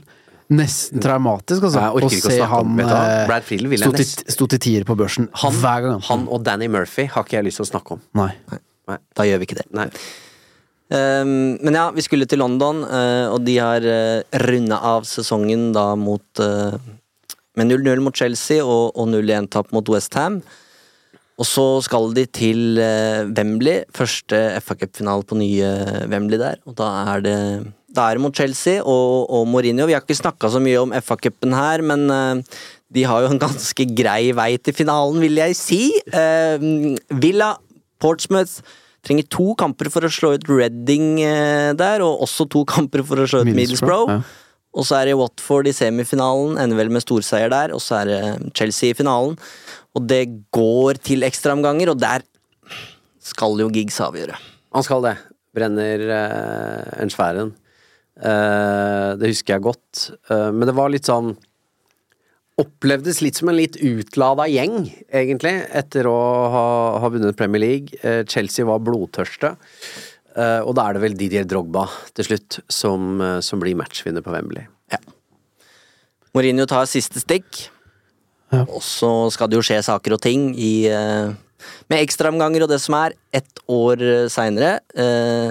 det får bli en annen spesialepisode. mm. og så Være ærlig på det, at vi sparer vel de, de finalene lite grann uh, foreløpig. Men det kommer selvfølgelig spesialepisoder på både 99 og 2008 her. Må nesten det. Må vel det. Men sa du at nye Wembley Er den så gammel? Ja, ja. Så nye Wembley er Men du sier jo ikke nye Wembley lenger, nå sier du bare Wembley. Men uh, nye Wembley føles ikke ut som den er fra 07. Jo, de holdt på i Cardiff lenge og vel. Millennium Stadium. Ja. Så uh, nei da. Men uh, minnegutter kan ingen ta fra oss. Dette var gøy. Ikke de Dette falske var, heller. levde opp til forventningene, altså. Ja. Har du kost deg, Eivind? Jeg har kost meg veldig. Det har jeg merket, det er bra. Ja. jeg koser meg når jeg kan forberede meg til sånne ting. Ja, eh, vi har kost oss, eh, vi også. Vi har jo sagt det mange ganger, men eh, i, i dårlige tider så må man ta fram fotoalbumet og se på, se på The Happy Days. Det har vært en glede å sitte med dere, som alltid. Det er jo morsommere å snakke om fortid enn det som skjer akkurat for øyeblikket, men vi kommer tilbake snart, vi. Tar vi 0910 neste, da? Ja, det, ja, og den er jo på en måte min litt fetisj-sesong, rett og slett fordi at der var jeg på alt. Eh, mange timer skal vi sette av da? Nei, jeg setter av et døgn. Eh, vi, vi døgner og gjør, uh, gjør svære ting ut av det. Vi må også snakke om de sesongene som ikke gikk så bra under sir Alex Ferguson. Men uansett, tusen takk for at du nok en gang har hørt på Uno, og vi snakkes igjen vi om ikke lenge.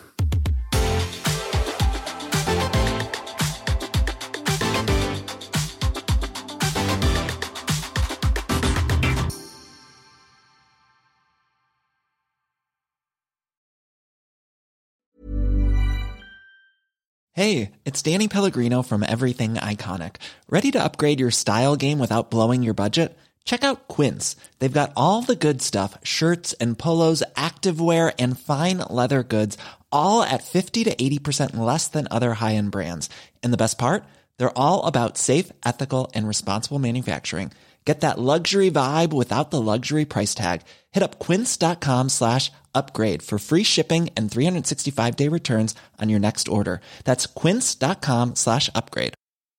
Mom deserves the best, and there's no better place to shop for Mother's Day than Whole Foods Market. They're your destination for unbeatable savings, from premium gifts to show-stopping flowers and irresistible desserts. Start by saving 33% with Prime on all body care and candles. Then get a 15-stem bunch of tulips for just $9.99 each with Prime. Round out Mom's menu with festive rosé, irresistible berry chantilly cake, and more special treats. Come celebrate Mother's Day at Whole Foods Market.